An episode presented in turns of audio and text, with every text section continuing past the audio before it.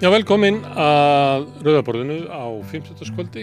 Við ætlum að ræða um margt í kvöld, uh, mestum um fátækt og, bjargaleysi og hörmungar. Það er bara einfallega þannig.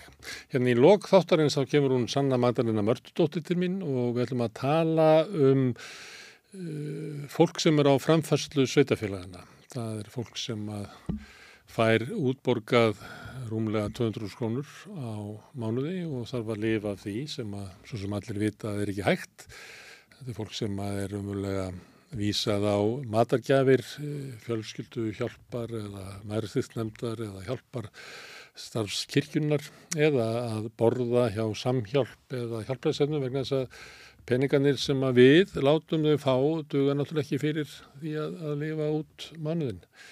Við ætlum aðeins að horfa á þennan hóp og tilefnið er að sumuleiti það að hann hefur mikið stakkað. Það er um hverjum tíma í árinu í fyrra, 2022, voru um 4900 heimili sem að lifðu við þessar aðstæður. Þar af voru næstu því 1500 heimili þar sem að voru börn. Hluti af þessu fólki er flottafólk sem að hinga kemur og það á ekki rétt á neinum bótum hér öðrum en þessum og er vísað yfir á sveitafélagin og fær þá þessar allra legstu bætur sem eru borgaður út í okkar samfélagi sem að, að er tæplega hungur lús. Ég ætla að tala við Sönnu Magdalenu um þennan hóp á eftir. En áður en að því kemur þá koma hingað Vilborg Ottsdóttir sem er félagsráðgjafi hjá hjálparstarfi kirkjunnar, Marja Pétursdóttir sem er formaður húsnæðishófs örkjabandalagsins eða ÖBI réttættarsamtaka eins og heita núna og Þórtís Bjarleifsdóttir sem sittur í stjórn legendarsamtakana. Það var í dag ráðstefna á einhverju hótelinu um húsnæðismál og fátækt. Það eru hérna þetta er svona okkar tími, við erum alltaf að halda ráðstöfnur um þetta, það var að rifjast upp fyrir mér að, að áður en að breyðholti var byggt, það var ekki haldin eina einasta ráðstöfna, ekki ein og engin skýrsla búin til, það var bara byggt. En hvað er það? Það var ráðstöfnu þetta til þess að reyna að halda utanum þetta, þetta er náttúrulega hópur sem er margbreytilegur og hefur ólíkar þarfir, það eru margir ólíkir hópar meðal hinn að fátæku, ástæðunar eru margvíslegar, það eru örgi, örgjar, fátækt, eftirlunar, fólk, uh, innflytjendur á jæðri, húsnæðis og vinnumarkaðar, láttekju fólk, fólk á framfæstu sveitafélagana og margir aðrir hópar og það var verið að velta fyrir sér uh, húsnæðis stöðu þessu hóps. Ég ætla að fá Vilborgu, Marju og Þúrdísi til þess að, að ræða stöðu þessu hópstíð að við getum horta húsnæðismarkaðin svona sem held og það er ímislegt að þetta lækka, fjölga lóðum og gera hitt og þetta en við sittum alltaf uppi með það að við þurfum að leysa sérstaklega húsnæðisvandamál hinn að fátakari. Það var gert hér á árum áður með verkamannabústofunum og félagslegu húsnæði sveitafélagana en það skrýtna er að við erum eiginlega með færri aðgeðir í dag heldur við vorum með fyrir 30 árum, 40 árum, 50 árum, 60 árum. Það ræði þetta við þær stöllur og eftir.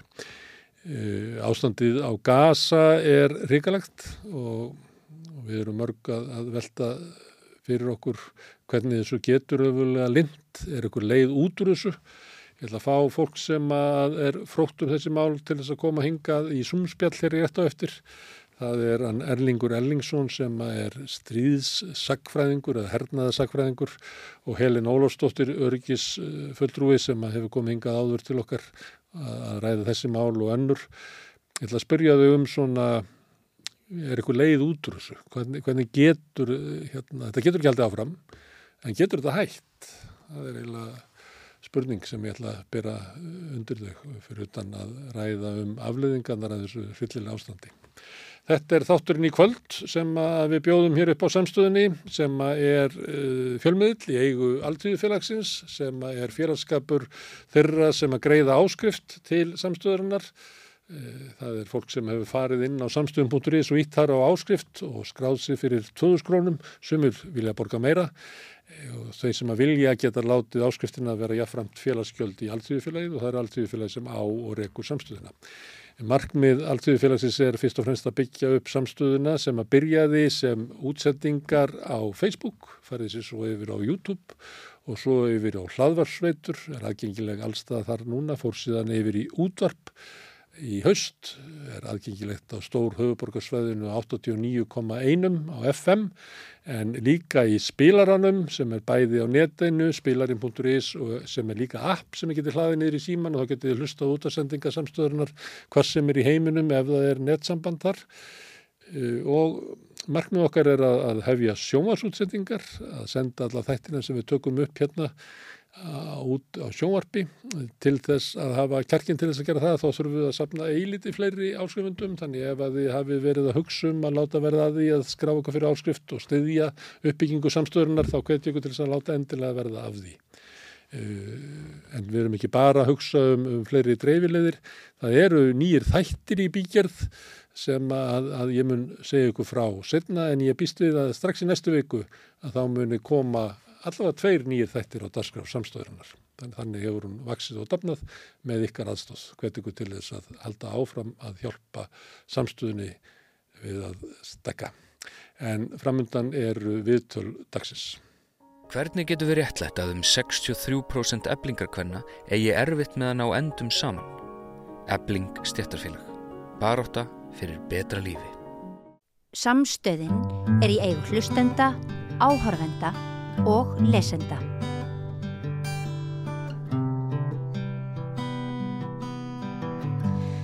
Erðu, við höldum áfram að, að reyna að skilja stríðið í Gaza og ætlum núna að nota Zoom-tegnina til þess að heyra í fólki sem er erlendis. Það er annars vegar Erlingur Erlingsson sem er hernaðar sakfræðingur, hann er statur í London og svo Helen Ólafsdóttir Örgis ráðgjafi sem er stödd í Sómalíu. Hvort er að er í Gaza en bæði hafa þekkingu á ástandinu þar. Og ef ég má byrja á þér Erling og spurja bara eins og fólk spyr sig sjálft hérna hvert getur þetta eiginlega farið þetta reyllilega ástand? Já, takk, takk fyrir að bjóða mér. Þa, það er náttúrulega ekki einfalt svar við því og, og, og þeir sem hafa stútir að stríð og hernað vita um leið og leysir slikt úr læðingi að þá missuru um leið hendunar af stýrinu í morgun tilfellum. Uh, menn hafa velt fyrir sig mikið hvort átökinn geti breyðst út og svo hvernig átökinn minna halda áfram inni á gasa það sem að Ísælun átt að koma með land hér af fullum krafti. Ég sé að það er þólumæði Vesturlanda og, og stuðnisríkja Ísæls er, er búin að minka mikið gagvart framferði þeirra og, og hvernig þeir hafa reikið sinn hernað mun harkalega heldur en það hafa gert í fyrri árásum á gasa og valdi miklum áhugjum og menn hafa séð fyrir sér að þar kunna vera stríðsklæpir í fjölda, fjöld, miklum fjölda þannig að þrýstingur er nú orðið mjög mikil að það verði í vopnarhlýja og mér heyrist núna á nýjastu fréttum að það sé verið að tala um eins til þryggjadaga vopnarhlýja gegn því að einhver hluti af þessum 240 gíslum sem Hamas halda inn á Gaza verði sleft.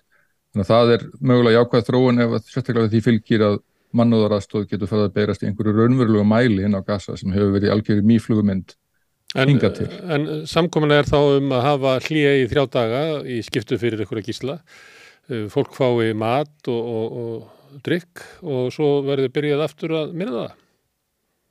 Já, ég held að þessi engar horfur á því með sínum markmiðum. Þeir hafa vissilega sett fram sín ídrustu markmið sem eru upprætt að Hamas eh, bæði inn á Gaza og svo hvað sem þið finnað á annar staðar í, í Líbanon eða, eða Doha. Og eða, eða laska verulega jargangakerfið risastóra sem eru undir Gaza. Þannig að ég, það þurfti eitthvað mikið að breytast til þess að Íslandsmenn láti af þessum hernaðarækjum mm. Ná ég spyrja þig í framhaldu þessu ef að, við, ef, ef að Íslandsmönnum tekst þetta að, að eh, elda uppi og myrða Hamasliða þá hafa margir hér sem hafa komið að ræða þetta mál hérna við Rauðaborðið sagt að já, ef að þeim tekst að, að eigða Hamas að þá mun bara eitthvað eh, annað rýsa upp líklega verra frá sjónarhóli Íslandsmanna. Já, ég hef svona notað orð Guterres, Frankandastjóra saminuði þjóðana að þessar hræðilegu árásir 7. oktober gerist ekki í tómarúmi og ekki án aðdraganda. Hamas verður til og breytist í þá mynd sem þeir nú eru í uh, út af vitriðastæðum og, og, og vissulega bera þeir sjálfur ábyrð á því en, en þetta, þeir vaksa úr ákveðna jarðvegi og, og með framferði sín og hernaði inn á Gaza og landtöku stóru aukin á Vesturbakkanum hefur Ísrael einungi skert hann í jarðveg frjóri fyrir þannig aukastefnur. Þannig að já, ef Hamas myndi hverfa í dag algjörlega, þá myndi einhvers konar annars tegundar illgresi svipað vaksa, vaksa upp. Þannig eins og horfir að þá stefnir í því ástandi verði verra.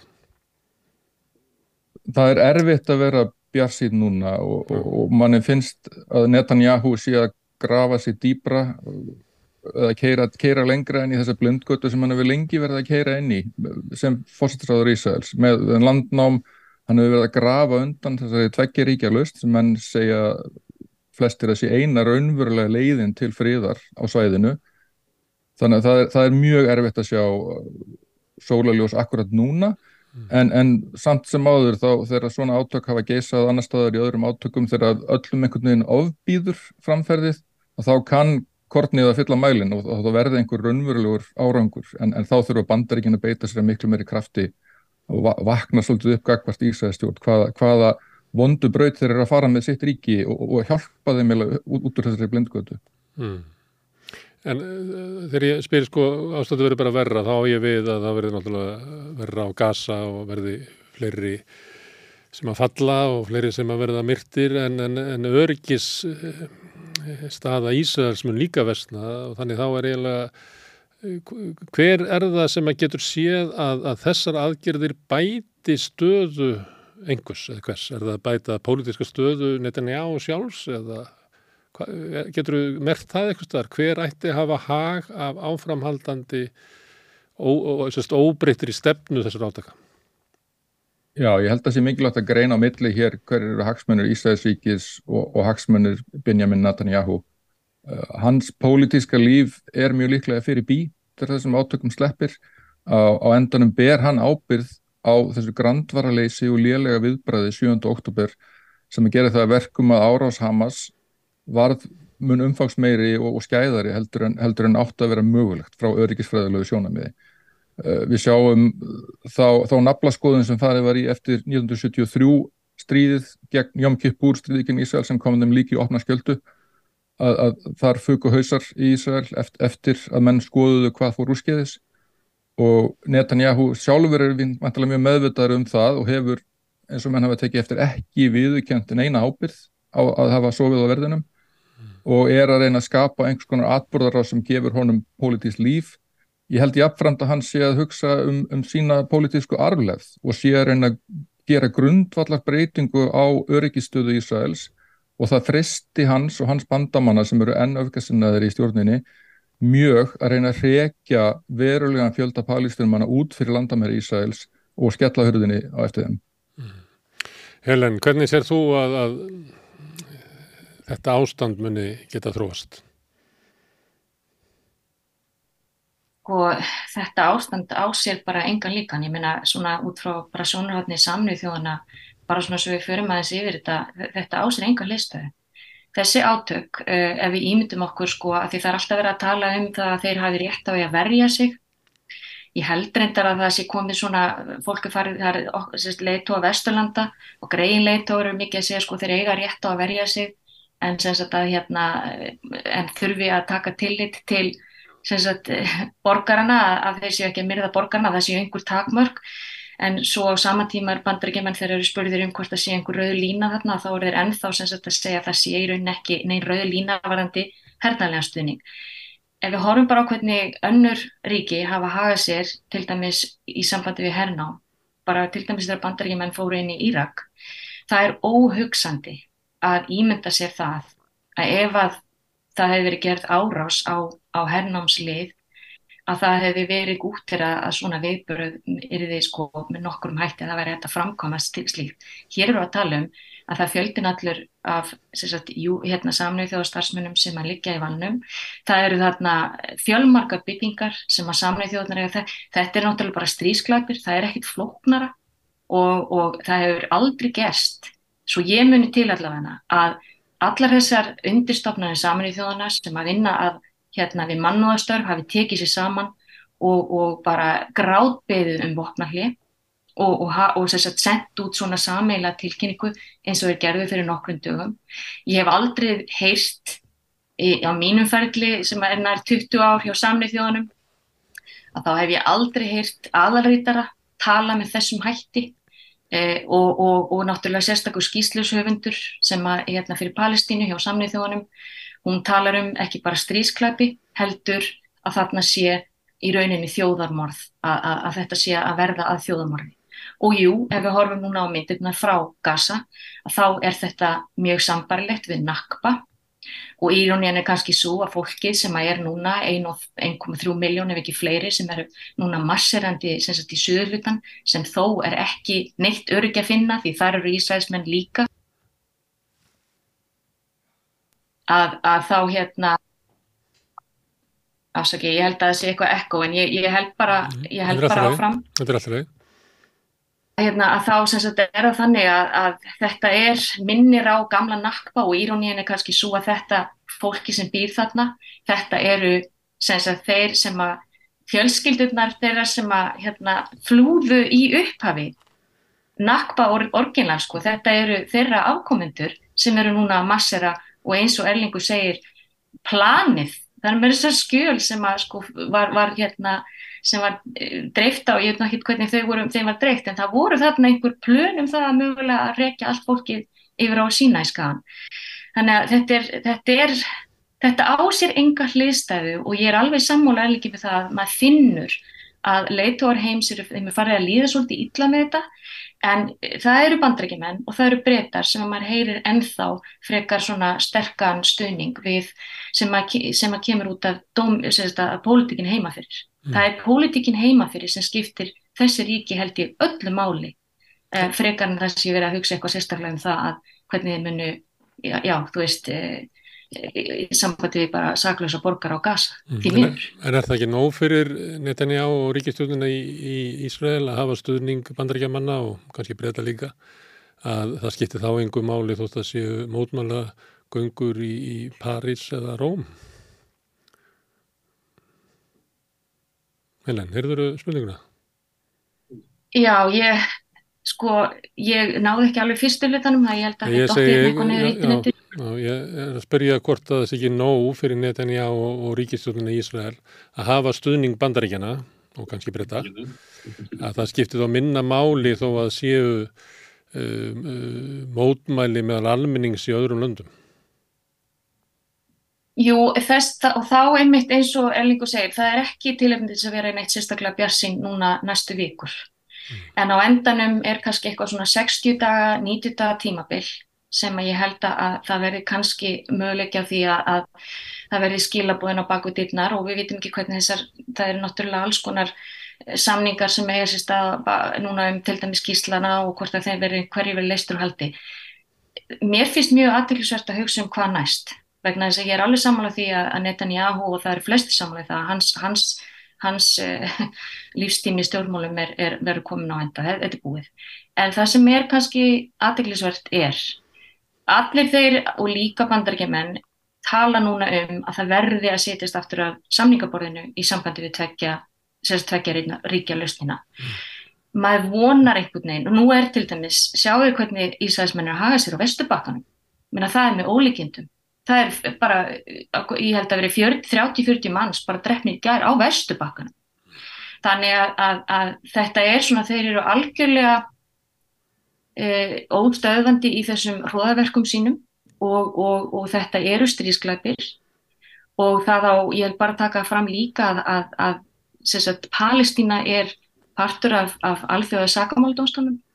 Þannig að alþjóða sakamáldónstunum hefur sagt að þetta þetta sagt, svæði tilheri undir þeirra hérna, þeirri hafi möguleika á að rannsaka og, og mér þess að gefið út að þeim munur rannsaka hverja einustu árás í þessu stríði. Mm. Þannig að það verða eftirmálar. Spurningin er, verður hægt að neyða Ísrael til þess að setjast að samningaborinu, til þess að fara í alvöru friðarumleitanir, Hver, hvernig líta næstu stjórnvald Ísrael út? Mm. eftir þetta. Þetta en, er eitthvað sem að vera mjög aðeinslega. En Helen, maður spyr sig ef að, ef að Ísraels eh, stjórn sesta samlingsborðinu, hver setur hinnum einn? Já, það, ég menna það náttúrulega er engin uh, Abbas fórseti Palestínu hefur svona ég menna því það har ekki verið kostningar náttúrulega fleiri, fleiri ár og, og það er engin í rauninni sko talsmaður er enþá Abbas, hann er náttúrulega fórseti Palestínu En það er vissulega ekki endilega þannig að palestinmenn séu mjög uh, hrifnir á honum því að þeim hefur svolítið fundist að stjórnmáli vestbakkunum hafi verið svolítið spilt og ekki einhvern veginn svona staðin og í lappirnar í þessum málum. En, en sko þetta, þetta getur bara verið, þegar þetta er sko, við erum að tala um 30% bara á norður Gaza af sko húsnæði er bara búið eiðilegja. Veist, þetta er um 16% af öllu gasasvæðinu, það eru bara, það búið bara eiðilegja þessi húsnæði og margt af þessu er mjög mikilvægt, þetta eru skólar, veist, þetta eru, þetta eru alls konar innviðir sem eru gjörsanlega búið að rústa. Eh, fólk lýsir þessu bara eins og einhverju armageddon. Það, það, það er svo hræðilegt ástandið og það er svo hræðilegt ástand að myndast á vestubakkanum að þegar þú ítir þessu í svona rosalega mikla raukar og við erum eftir að sjá líka, veist, hvað, hvað gerir Hezbollah? Ég meina Hezbollah er náttúrulega á norð, norð, norðamegin og, og Ísrael vil náttúrulega alls ekki fara á. Þetta er eitthvað sem er sko sérfæð, erlingur er mikið betur til þess að tala um þetta. Já. Ég vildi bara nefna það að, að þeir eru út búin að íta þessu svona langt, þetta er komið svo langt að, að menn verða reynilega örma að, að þá vonast maður til þess að bandar ekki menn standi lappinnar og beiti sér fyrir alvöru fyrir mm. þessari tveggja, hérna, tveggja ekki lögst. En mm. þá er eitt hver vinnur næstu kostningarnir í bandarhjörnum? Mm. Það verður stóra spurning. Mm. Erling, ja, þú byrjaði því að nefna að þetta, þetta horfður á tvennum hætti hvað gerist í Gaza og í þessum átökum en síðan möguleikunum að þetta breyðist út og mér nokkar að spyrja þau um það. En áður að þá vil ég fara með þessa spurningu sem ég spurði Helenum að ef að, að Ísraels eh, ríkistjórn, ríkistjórn Ísraels sest að samningsborðinu, hver hver getur verið hínum einn sem að Ísraels ríkistjótt þá sætti sig við og sem að hefur þá eitthvað svona umbóð palestinumanna til að segja með. Já, vandamálið er vissulega að eins og Helen nefnir að það hafi ekki verið kostningar sem ég endar að við staðið til að halda núna bara með höstunu að, að þá er engin með klátt umbóð palestinsku þjóðurinnar en það er alveg ljóst að Hamas hafa vantilega um alla framtíð kasta frá sér sínu umbóði ekki bara með framferðinu 7. oktober heldur líka með því hvernig þeir hrifsuðu til sín völdin á gasa frá fatta og átökinu við fatta þó að það við orðið sættir og pappir millir þeirra eh, fyrir nokkrum árum og þá hefur það ekki verið raunin uh, þannig að viðmælandin verður að vera verður að vera Abbas, verður að vera fatta í Ramallah uh, en, en jáfnframt verður að nálgast þær viðraður með þeim hætti að að þeir uppskýri eitthvað fyrir, fyrir það sem þeir hafa gefið eftir í, í fortíðinni þeir hafa viðkjönd Ísraelsíki, þeir hafa lagt niður vopnaða baráttu uh, hafa haft mjög lítið upp á krafsinu og meðan er verið að klóra í sundur vestubakkan dag eftir dag og, og nú með miklu ofbeldi bæði jógsta mjög eftir að stjórnum að mynduði Ísrael í lók síðast árs og, og svo hefur það farið á einhvers konar ofurraða og, og ofbeldi sknúið núna eftir að þessi átök brutist út mm. Þannig að ef að ef á að vera þetta semja þá þarf eiginlega að gera úr Abbas eh, leiðtúa pallistunumanna með því að gefa honum eitthvað sem að, að mingar stuðningin við þá á róttakari hópa. Já, og, og þá, þá er mögulegt að hjálpa honum til þess menn vita náttúrulega ekki alveg hvernig samningsdraugin líti út um, um að svo ég sletti normælisera samskipti við Sáti Arabíu sem virtust vera komin alveg á þröskuldin áður en að stríðu bröst út en, en sumir hafa talað um það að þar inni hafi verið einhvers konar eftirgjöf landsvæðis á vestubakkanum að í sína, Ísrael myndi sína í góðri trú að samskipt við Sátarabíu væri þess virði að þeir myndu bæta stöðu palestínumanna gegn því. Þetta er auðvitað allt fyrir bí akkurat núna en það er einhverja svona leiðir til þess að byggja tröst sem eru nöðsynlegar Abbas er ekkert sérstaklega vandamál í, í, í, í því samhengi en vissulega er, er Benjamin Netanyahu stort vandamál í því samhengi. Já, og þetta þarna erum við að tala langt inn í framtíðinu, þetta er ekki sínilegt að við séum einhvern veginn leiðinni í eitthvað, eitthvað svona, það er, það er bara er ekki þannig. En þú nefndir sko möguleika á því að þetta myndi breyðast út, Hver, hvað, hvernig getur það gerst? Menn hafðu náttúrulega strax í upphafi miklar áhyggjur því að Hezbollah myndi blanda sér í átökinn, mörnum að Hezbollah hafa undirtökinn í, í Líbanon og þeir vaksa upp í andsbyrnu við hernám Ísæðismanna. Uh, þeir eru eins og Hamas og enn frekar heldur en Hamas umbjöðundur stjórnvalda í Íran, njóta þeirra stuðnings. Hamas hafa í raun og veru mun meira sjálfstæði og fjallu svolítið í fangið á klerkastjórninni þegar Europasambandið og bandækin hættu stuðningi við stjórnvöld eftir kostningarna 2006 þá var, þá var þeir beitti miklum þrýstingi að viðukenna tilvistarétt í Ísæðisíki sem þeir sögða að vera ekki tímabært og, og Tony Blair sem var sérstaklega sendifulltrúi kvartett sinns um, um árabil hefur sagt að þetta hafi verið gríðilega stór mistök.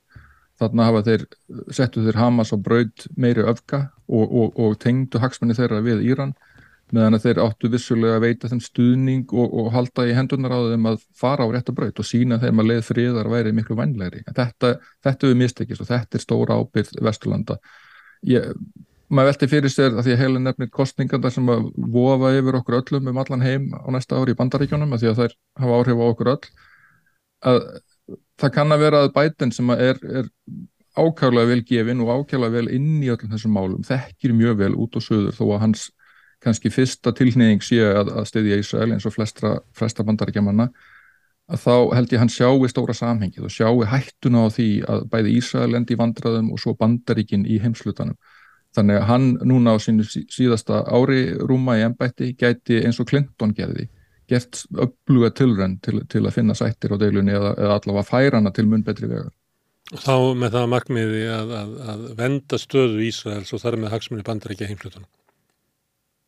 Já og, og, og bara með skilningi á því að þessi valdöryggisvegferð sem að Netanyahu og hans bandamenni eru á tryggir ekki öryggi. Ég meina ræða bæten þegar hann var í, í Ísrael nýlega var mjög öflug. Það sem hann vísaði í þau mistök sem bandaríkinn gerði í bræði sinni eftir 11. september og Ísrael mætti ekki fara á þá braut og auðvitað hafa Ísrael farið akkurat á þá braut og maður heilt uh, mjög trúverðu að fregnir að því þegar við einnig alltaf að gera árás á Hesbóla í suðu líbunan að fyrra bræði sem að bandarækjuminn hafa komið vekk fyrir bæði, bæði með pólitískum þrýstingi en einnig með að senda tvö flugmóðskip á vettvang til að letja Hesbóla til, til átaka.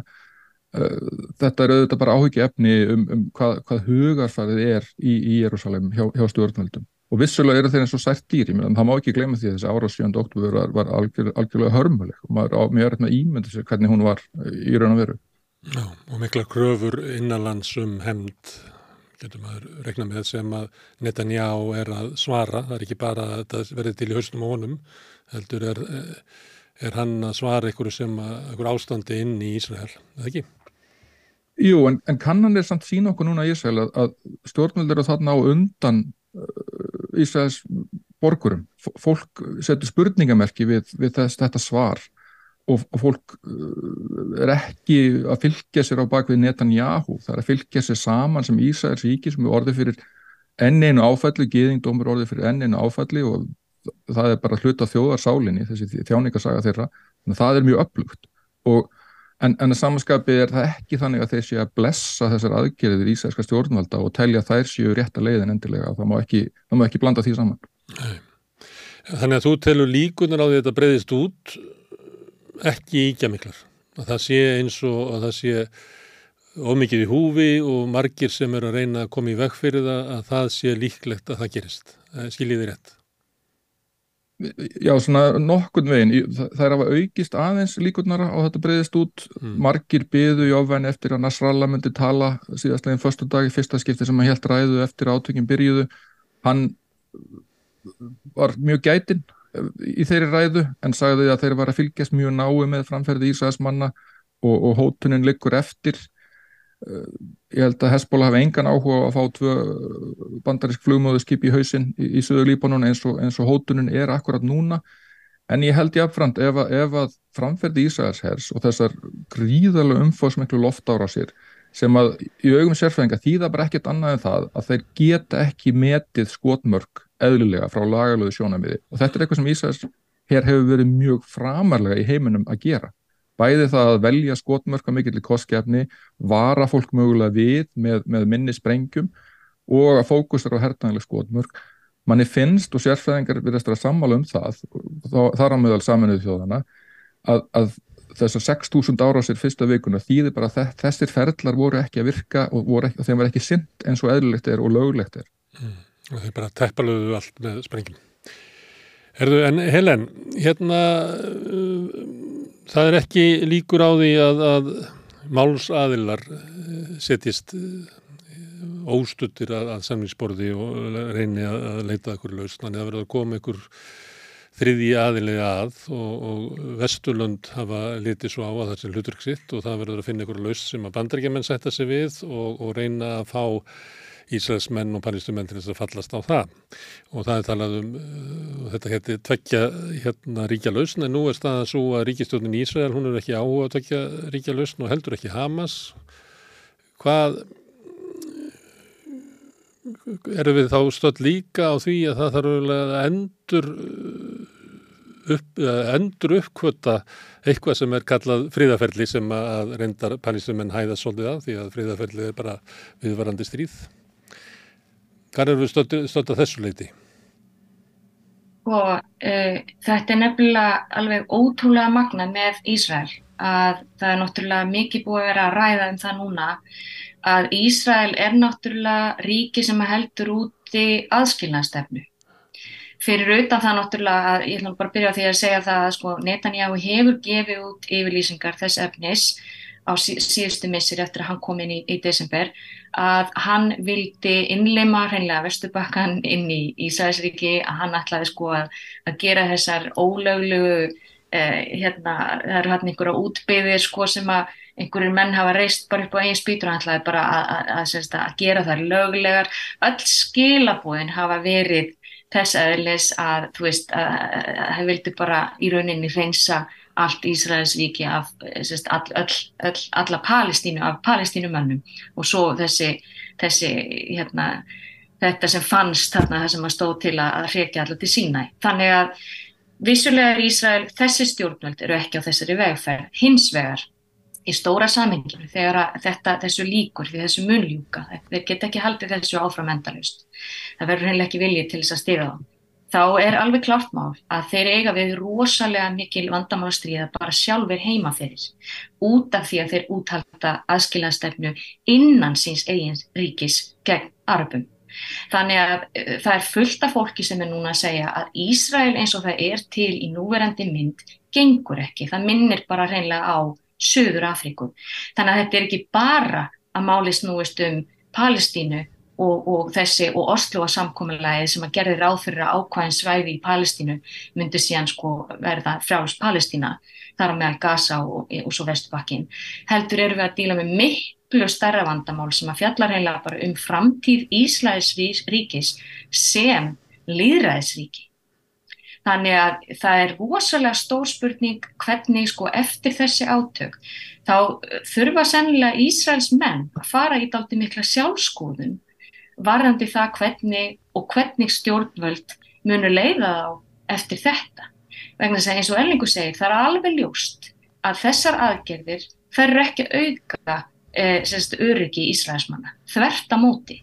Það sem þeir eru að gerast og, og það er alveg rétt að það er kannski ekki svo mikla líkur á því að Hezbollah eða Íran komi inn í þetta en þegar að stríð byrjar og ef að Netanyahu heldur áfram og við skulum líka taka, sko, taka það fram að Ísæðismenn hafa fengið, gengist upp með það eða fengið að, að, að sko, þeir hafa ignora hverju einustu uh, álíktun hjá örgisræðinu og þar hafa þeir verið bakkaður upp á bandarækjumenn en hvort bandarækjumenn muni halda áfram að hreinlega leifa Ísæðil að ganga á bakvið þessar álíktanir, það er spurning.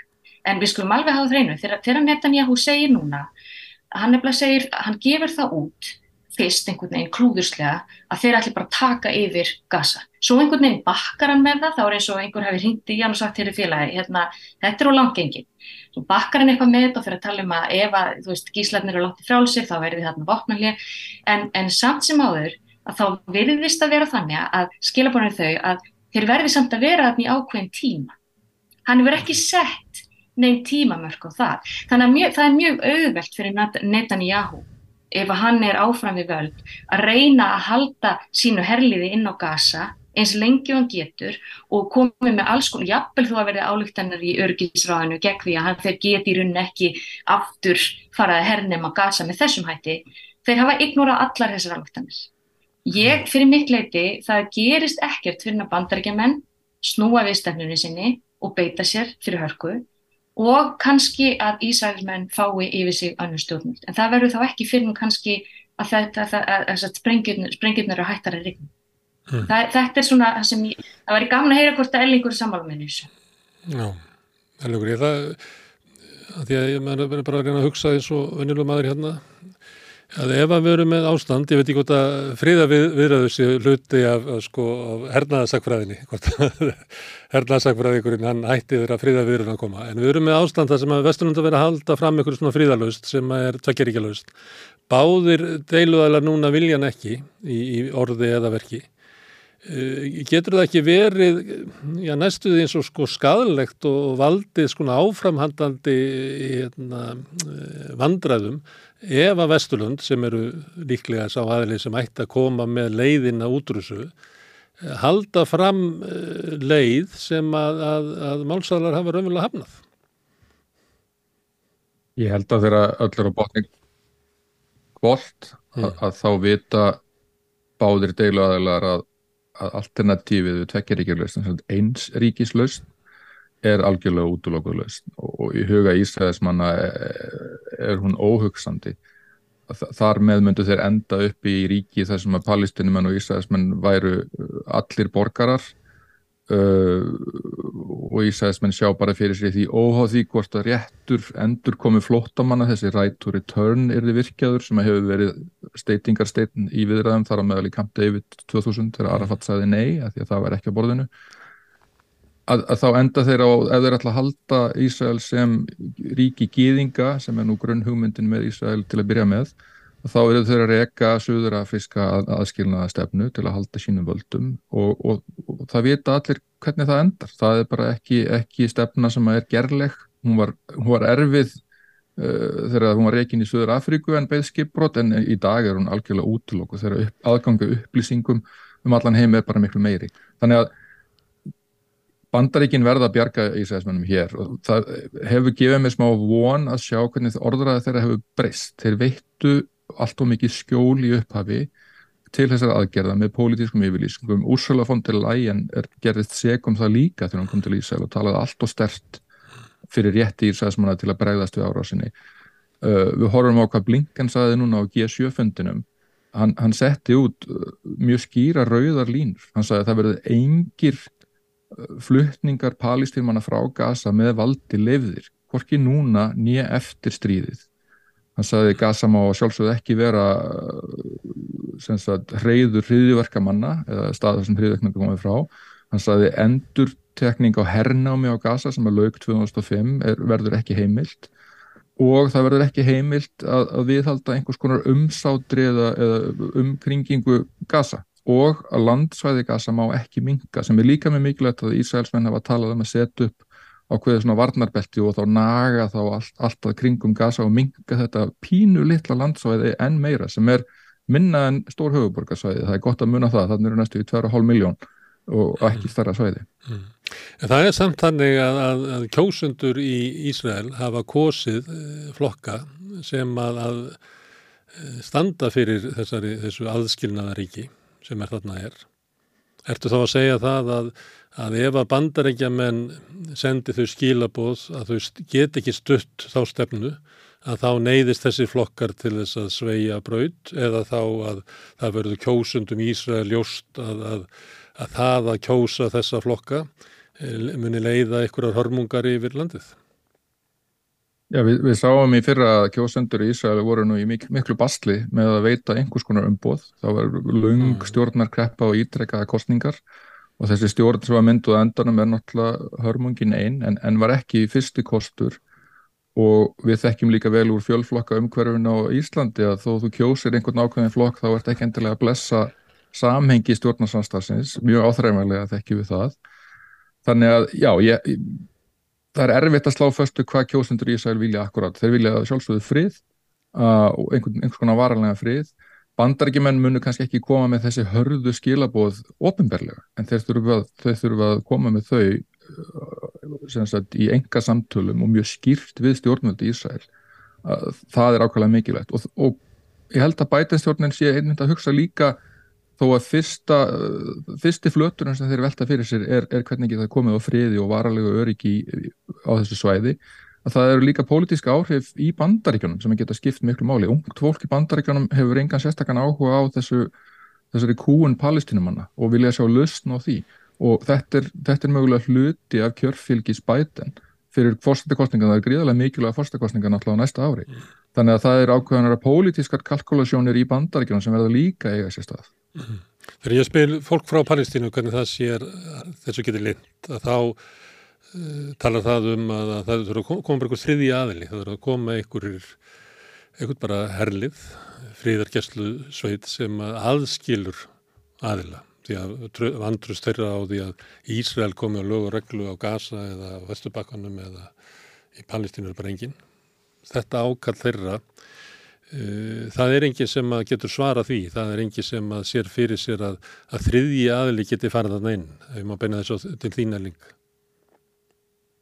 Sko ég, það menn var lengi, lengi rætt um þetta og heilengu getur komið inn á þetta líka. Ja. Það er náttúrulega engin að fara að stíga inn þarna með valdi og skilja deilu aðeina. Þa, það er algjörlega útlokk. Og Ísraelsmenn myndu aldrei samþykja það? Nei, þeir myndu bara svara því með, með valdið í sjálfsvörðin. En, en það er eins og er alls ekki útlokkað ef að það er hægt að knýja fram samninga sem þurfa ekki að vera endalinn nýðustada deilunar, heldur samninga sem skila tveimur ríkjum sem eru einhvern veginn funksjonal og þar með vesturbakki sem er ekki sundur skorin eins og svisneskur ostur, heldur raunverulegt ríki sem, að, sem að getur, getur funkarað í alvörunni, að þá eigum við nú okkar blessuðu saminuðu þjóðir sem að kannski eru svolítið laskaðar akkurat núna mjög mikið út af Ukrænu en, en Guterres hefur verið ansi öflugur og stofnarnir saminuðu þjóðan í kringu þessa deilu. Og þar eigum við friðagestlu verkfæri sem að maður sæði fyrir sér að mætti beita inn í þessu nýja palestíska ríki. Ísæsk, það eru ekki að vera á Ísæsku landi sem að væri erfitt held ég fyrir stjórnvöldi í Jérúsalem að setja sig við en hinn nýju stjórnvöld í austur Jérúsalem myndu vantanlega virkilega að setja sig við þálaust til að tryggja að átök blossi ekki upp á nýjan leik. Það sem er því gríðarlega þá er að það myndu samt verða öfga árásir hvort sem það veru landnema Ísraels megin eða skærulega hreyfinga fjölmargra Íslands stríð eða annara uh, uh, palestinimanna megin en þetta fjölþjóðlega lið geti þá dempað niður að, að meira áttur átök myndu brjótast út þannig að þetta er mjög mikilvægt verkfæri mm. Helen Já, ég fyrir ekki að ég hérna komi nú snemma. Ég, það sem ég ætla að segja, við erum náttúrulega með á gólanhæðunum. Það er til dæmis fríðargæsluðið sem hefur verið þar, ja, það er nú 1974 held ég sem að var skrifað undir þann samning sem er svona stabilis, bara er fríðarlega á landamarunum. Þannig að það er hægt að hugsa sér, náttúrulega mjög ólíkt hvernig Gaza hefur verið stýrt, af því það hefur náttúrulega verið í herkví og svo vestubakkin, þannig að það þarf að eiginlega kannski díla við þessi svæði svolítið ólíkt. Það er ekki óhugsandi að sjá fyrir sér að því nú verður algjört, ég meina þegar, þegar Hamas er farið og, og Ísraels menn hörfa, þá, þá, er, er enginn hérna til þess að sjá um lögureglum. Það er ekki ólíklegt að hugsa sem svo að, að það væri kannski hægt að koma inn með eitthvað, eitthvað fríðagesslu leið inn á gasa. Það er ekki óhugsandi. Og í rauninni væri það kannski langt besta lausnin varðandi gasa vegna þess að þá, þá er það líka ákveðin sko skilabóðum að við munum ekki út er að það að hér rýsi upp einhver, einhverja aðrar hriðverka ógnir. Það, en, en vestubakkin er held ég doldi flóknari. Vegna þess að það er náttúrulega landmennum að byggja þarna orðna svo þjættar uppi við búsettu palestinumanna það er í rauninni, það, það er kannski ég, er eitthvað af þessum landnema byggðum ef við förum út í tvekja, ef við förum í alvöru fríðaðir að þá þarf kannski eitthvað af þessum landnema byggðum hreinlega að fara. Mm -hmm. Og það væri þá í, í skiptum fyrir eitthvað sem að Ísraelsmenn getur litið á sem varanlegt örgi og þá er kannski spurningin hvað það væri sem að, til þess að Ísraelsmenn letu af hendi eh, land Hva, hvers konar öryggis eh, hérna eh, lofors eru þau að hafa í hendi? Erlingu, vilt þú taka þetta? Já, ég öryggislofurð er auðvitað að láta vopnaðri baráttu sem er hluta friðarsamningunum. En, en bara því þú nefndir landnumabiðinir og vestubakkana þá það blasir við að það verður ekkit raunverulegt palestinst ríki nema þessar landumaböðu verði fjarlæðar nánast allar. Palestinmenn hafa í viðræmingarnir tíðin að vera tilbúin að gefa eftir hluta af Östu Jérúsalem þessum að gýðingar búa engungu uh, og einhver örlítil svæði á vestabakkanum en öllum þorra verða þessi næstu 700.000 landnemar 200.000 rúmlega í austur Jérúsalem og, og, og restin á vestabakkanum að fara. Og ég hef lengi óttast það að það er því Ísrael ofviða pólitist að framkoma þann brottflutning en þar þyrstu þeir hreinlega að fá aftur hjálp frá sínum vinum og vandamönnum og ég hjóli ekki eftir því að Dominik Viepan sem við munum nú eftir utarækis á þeirra Fraklands þeirra Írakstriði vofði yfir og, og hefur verið mjög skýr í gegnum tíðina hann sagði frakkar fluttu nú miljón frakka frá allsýr til að ljúka átökunum þar þannig að hvað var þar svona framkvæmdina á því logistíklega séð þá er þetta alveg gerlegt en, en það, og, og það þarf bara að gera öllum grein fyrir því að meðan það er ekki funksjonalt palestís ríki sem kemur út úr friðarsamningunum þá verður engin raunverulegu friður. Mm. Og þú þeir að hjálpa Íslandsmönnum þú áttun raunverulega við að neyða þá til þess að horfast í það að það verði engin varalegu friður þannig að maður gefi eftir landnæmabiðinar. Já, ég menna, það þekki allir að þú ert að reyna að bjarga drauknandi manni þá þarf þetta að fara mjög getilega því að hann, hann slær frá sér og er í, er í æði. Og, og fyrir mér er þetta gríðarlega einföldun en þetta er, þetta er svona hugsunni sem ég er með að Ísraelsmenn eru, eru sjálfins í vestir að mörguleiti allavega stjórnvöldi Ísrael akkurat núna Erðu, Við horfum á algjörða hrylling og, og jú, það er fólk sem heldur í fram að þetta sé eiginlega sko versta mannúðarkrísa sem við höfum hortst í augu við bara um háherrastíð og allir vilja þessu linni. Í lokin finnst ykkur Íslensk stjórnvöld hafa verið nógu skýr í afstöðu sinni um að, að átökin verða hætta og, og að það verði að fara að feta ykkur að leiði til fríðar.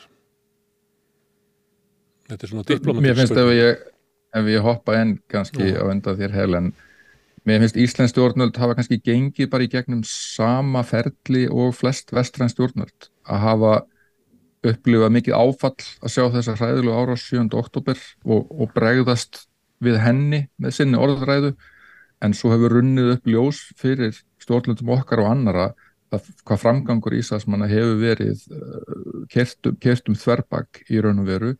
Og mér finnst skilabóðin hafa þroskast í samhengi við það. Ég veit að margir heima á Íslandi hafa velt fyrir sér mjög atkvæðagreysli í allsæraþinginu mm -hmm. og þar sem að við ákveðum að fylgja þremur Norðalandana en ekki Noregi og sitjum hjá og fylgja Þorra, Európaríkja og NATO-ríkja og að sumuleitt er það svolítið innabúða politík, diplomasi og saminuð þjóðana hvernig það lendir Við hefðum mögulega geta stutt þessa álygtun en, en hún var ofullkominn og, og, og hefðum verið betra ef að til að Kanada um að hún fæli í sér kritík á Hamas líka, jafnframt og væri ekki eins einhliða. Þannig að, og bara vildi, ég nefni þetta því að það er mjög áhugavert að tala um þegar alls er að þingið á í hlut og þá er það ekki bindandi yfirlýsingar nefnuleiti, það er bara öryggisöðu sem er bindandi, bindandi álygtanir, þetta eru pólitískar yfirlýsingar og þá horfa þeir sem fylgjast með orðaðinu þar mjög í atkvæða skýringar og atkvæða skýring Íslands var mjög öflug þar alveg eins og hinna Norðurlandana sem stutta ekki álíktuna þannig að mér, líður mjög vel með það og mér finnst stjórnvöld hafa verið á réttri braud með sína orðræðu þó að margir hefur viljað að þeir gengu harðar fram. Harðar fram, hvernig þá? Í gaggrinni á Ísæl og, og ég bæti líka við að það Ís, Ísland hefur líka fókusærað á að auka stuðning við UNRWA, við Palestínu hjálparstofnununa og, og gera eitthvað meira á borði en bara í orði líka sem við finnst ákvæmt. Mm. Þannig að í samaburði við önnu lönd að þá er þessi svona fyrstu yfirlýsingarnar að Ísrael segði ekki bara, bara rétt á því að bregðast við, heldur bara skilda til þess, að það var svona í takt við það sem að eiginlega allir voru með en, en, en síðan hefur komið kannski ljós að, að, að svo svona fyrirfram viðurkenning á viðbröður að hafa ekki verið klók og það sé lærdómur sem að ekki bara Íslensk stjórnvöld heldur stjórnvöld í okkar heimsluta séu við að svona að átta sig á er það rétt? Já, ég held að það sé rétt að segja það og líka já. í bandaríkjunum og, og ég held að engan hafi, já, kannski er ég næfur en, en fá að hafi órað fyrir því hvað Ísrael myndi ganga langt og ekki sjá fyrir sér hvað það veri mikill afleikur að haga sér eins og þeirra hafa gert þannig að já, ég held að þetta hafi komið öll, öllum óvart í raun og veru og nú er að myndast mikil alþjóðlega samstaða um að beita þá þrýstingi til að vikja af þessari braut og, og haga hernaðinum með ábyrgarhætti og, og mér finnst það að vera vel. Helen, Íslensk stjórnvöld í lókin? Hvað finnst þér þau hafa staðið sér vel? að segja með bandaríkinn. Ég ætla, ég ætla að svara hana með Erling sko og bandaríkinn að, mér stáð mjög skrítið að menn vilja stoppa þetta að vera að senda meiri springir á staðin. En hérna, nei, það sem ég vildi segja með íslensk stjórnvöld. Eh, ég var alveg miður mín og hérna, ég eins og kannski, það eru þessi 120 ríki sem að töldu ekki endilega að það þurfti að vera bara einn aðili sem að yrði fordæmdur í þessari álíktun vegna þess að þá þegar var mjög búið að rigna springjum grímt yfir gasa og hérna þannig að útskýringarnar voru þær að ef þú fordæmir gasa, eh, fyrir ekki Hamas, þá þarftu í rauninni líka að taka inn hinn aðelan, þannig að þetta var bara mannúða til að, þetta átti ekki að vera pólitísk til að og ég var miður mín. En það sem ég fannst kannski einkennlegast við það er að, að það virðist einhvern veginn vera það að ferlið við ákvörunatökuna sjálfa hjá auðverkisráðnættinu var bara eins og einhver svona færibandaprósess vinna sko að það virtist enginn hafa einhvern veginn verið ráðfærður uh, síðasta sem ég sá var að auðverkisráð þeirra einhvern veginn taldi það bara ekkit sitt uh, einhvern veginn hlutverk að vera eitthvað ráðfærður um þetta. Og, og fóstisráður sömu leiðis, þannig að við fyrir eitthvað aðeins að skoða þessa ferla alveg sama hver niðurstaðan hefði orðið, hún er kannski orðið alveg svo sama. En uh, mér finnst að Ísland hefði þarna að standa með Nóri vegna þess að við erum, þetta er ákveðin hræstni sem við sínum þegar við erum einhverja hérna, fríðar rástefnir og gefum okkur út fyrir að vera fríðarskaldi land að þá ég er mjög ánæg með það að við skulum að vera að, að senda mér í pinning til UNRA en mér finnst einhvern veginn stjórnvöld að hafa klúra þessu því við hefum getað tekið hérna sérstöðu og við hefum getað staði líka með Palestínu með þeim hætti að við höfum viðkynnt Palestínu sjálfstætt ríki. Mm. Það hafa hinn löndin ekki gert og þar finnst mér vera ákveðin sérstæða okkar sem við hefum átt að taka til til.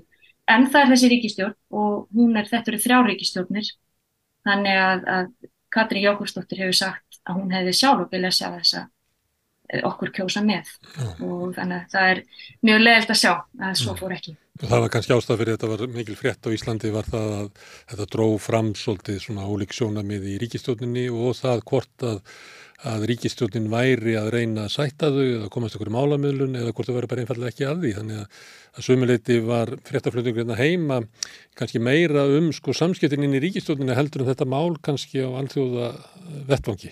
Ef að ég hérna, má, má nota mína hérna gamlu, gamla bladamann nef til þess að greina það á hverju frétti var svona stóru í Íslandi. En fyrir þetta þá veit ég það náttúrulega að þetta særði marga á Íslandi að við getum við staðið bara aðdráttarlaust með friði. Það ég held ég að sé og ég held að stjórnvöld vannmeti það oft bæði í þessu máli og náttúrulega Íraksstríðin og fleira að, að ef það er takt að tala um þjóðasál hvað hún er umverulega andvíg öllum hernaði. Það, er, hérna, það fer ekki Íslandingu vel að, að standa með hernaði íslengur stjórnvöldum og, og, og að standa ekki bara keik með friði ef ég má reyna Já, mæti kannski örstuðt nefna með það að meðist umræðan heima sem ég vissulega sé úr tölur verið fjarlæð hafa verið á þá leið að við styðjum álugtununa þá erum við með vopnarliði eða mannúðarlíðum og ef við stuttum hann ekki þá erum við á móti vopnarlíðum eða mannúðarlíðum en það er auðvitað algjörlega rán. Já, ég var að segja sko að það væri frekar að standa afgerandi að við viljum standa afgerandi með vopnarlíð og þar með hérna að gera eins og Nórugur og Írland og Frakland og Spátn og Portugal og fleiri lönd sem að greitu atkvæði með henni. En hérna, ég ætla að þakka ykkur fyrir henni, ég ætla að ná aðeins einni svona neðamálskrein með, með þér Erlinga því að það er ekki oft sem við verum hernaðar sakfræðinga hérna. Og þú byrjar aðeins í upphafi að tala um sko áfallið sem að Ísraelsmenn verða fyrir hversu stór og viðtak árás Hamas var og hversu viðbröðin voru veik að, að það hafa var fólk sem hefur sagt að tók herinn sjö klukkutíma að koma okkur til bjargar og nú hlýtur þetta að vera svona atriði sem að, að fólk í, í þínu fæi hefur áhuga á að greina hvernig gata gerst að, að, að sá herr sem að flestir hafa álitið að í heiminu væri sko viðbrað snekstur með, með best viðbrað við svona árásum eða hverskins árásum hvað var það sem að brast frá sjónarhóli í Ísraelska hersins og í Ísraelska örgismanna.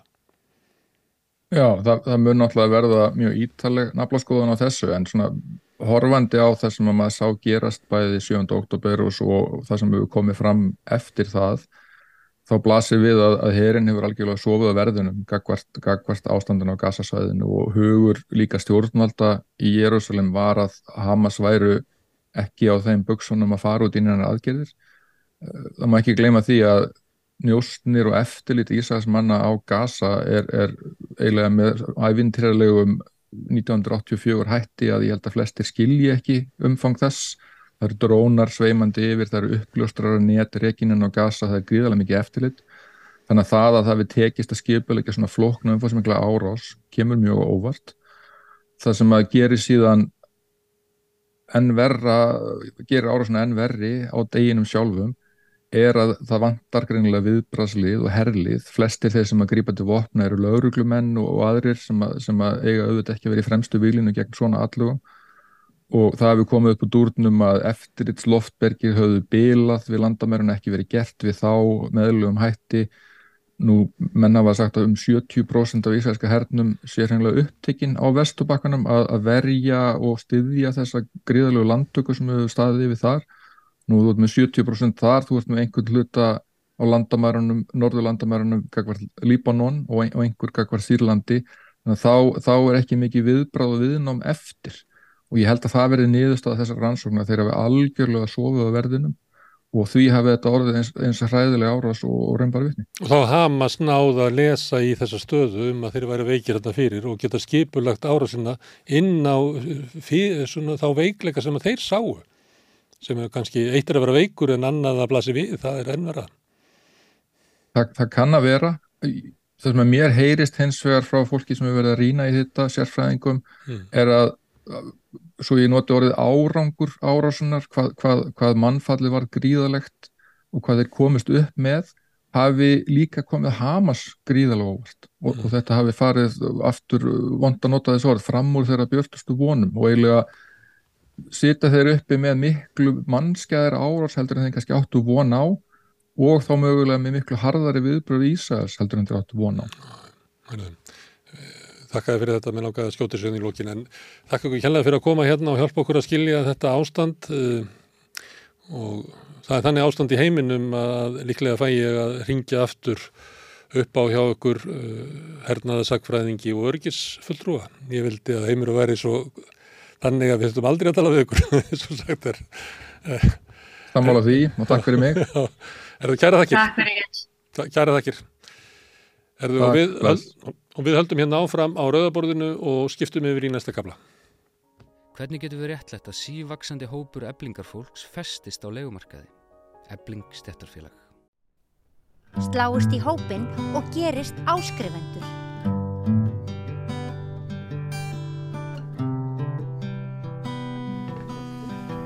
Já, við ætlum að ræða núna um húsnæðismál fátakra.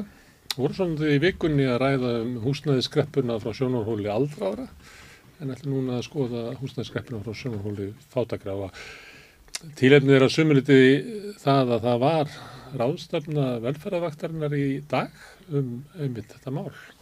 Og við ætlum að fá hinga þrjár konur til þess að ræða þetta Vilborg Ottsdóttir sem er félagsráðgjafi og umsjónamaður innanlandstarfs hjálpastarfskirkjunar Marja Pétursdóttir sem er formaður húsnæðishóps ÖPI réttinsamtöka og Þóttir Spjallistóttir sem er setur í stjórn leindasamtöka.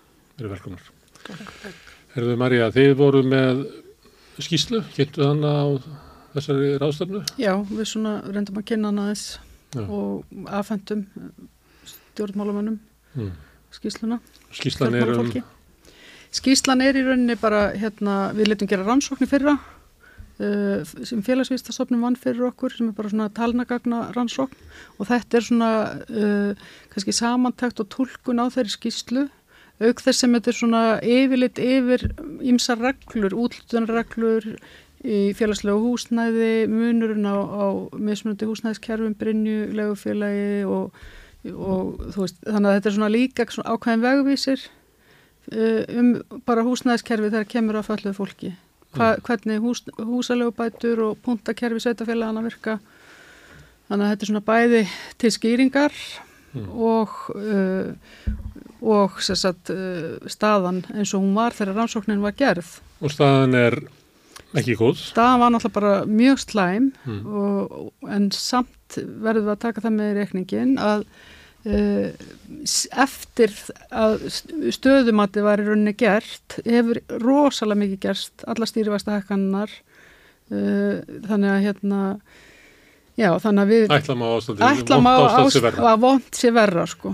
En hvernig virkar svona stuðningskerfi við hérna, fólk í húsnæðisvanda? Bara virk, virkar ekki, eða virkar Já. mjög illa sko. Er húsnæðisbætur? Uh, húsalegu bætur Já. og sérstakur húsnæðistöðningur það er mismunið að það virkar ekki eins millir sveitafélaga til dæmis, þú veist ekki það fyrir bara eftir tilfallandi hvar þú lendir í rauninu, hvort það virkir eða virkir ekki það hafa verið rosalega hækkanir þar líka eins og félagsbústöðum, mm. hækkanir á húsalegu núna út frá eftir, stýri, eftir stýrivaksta hækkanir. Þannig að það kerfi tryggir ekkit endilega, þá tryggir betri húsalegu auðvitað því við erum með samanböru líka á bara almennamarkaðin og sjálfsögðu er það mun betra en við mm. viljum líka bara e, erum að skora á, á í rauninni ríki og sveitafjölu að auka húsnæðisúrraðin, byggja meira við erum alveg í sko bara mjög slæmri stöðu hvað það varðar. Sveitafjölu er ekki einu svona ná sko þrem eða hvað þá 5% nema Reykjavík kannski og Reykjavík ætti að vera byggja að okkamati 20% allavega og við bara komist ekki með tætnar eh, þar sem að löndinni kringum okkur eru með hælana þessu leiti. Þá er þetta um félagsleg úrræði, byrjun að tekju lagstu. Já. Þú ert ekki að tala um óhagnadrifin leigufélag? Bara, nei, félagsleg úrræði í rauninni, já. já þannig að hérna, og óhagnaðadrifin úrræði eru náttúrulega líka frekar fá sko, þannig að mm. miðan við Norrlöndin þannig að við viljum bara fjölbrettara og fjölbrettara úrræði og við viljum sértakt greiðslumat. Uh, við viljum uh, sér nýjan lánaflokka því hluteldalánin eru náttúrulega bara ekki að virka fyrir falla fólk. Þannig að hérna við erum líka að skora á og við erum líka, svo tökum við líka inn í náttúrulega bara Um, sambílinn, það er ekki búið að ná að loka herbyggjarsambílum eins og stóð til, það er ekki búið að hérna, útrýma því að, að fólk sé sett á hjógrunarheimili, það er ennþá 138 manns undir 67 ára á hjógrunarheimilum um, heimilisleysi mælist í rannsókninu okkar töluvert. Um, talan, húst, það er 1% heimilisleysi sem kemur út úr okkar rannsókn uh, sem taknar 200, yfir 200 manns sko, þannig að þetta er bara að há alvarleg staða.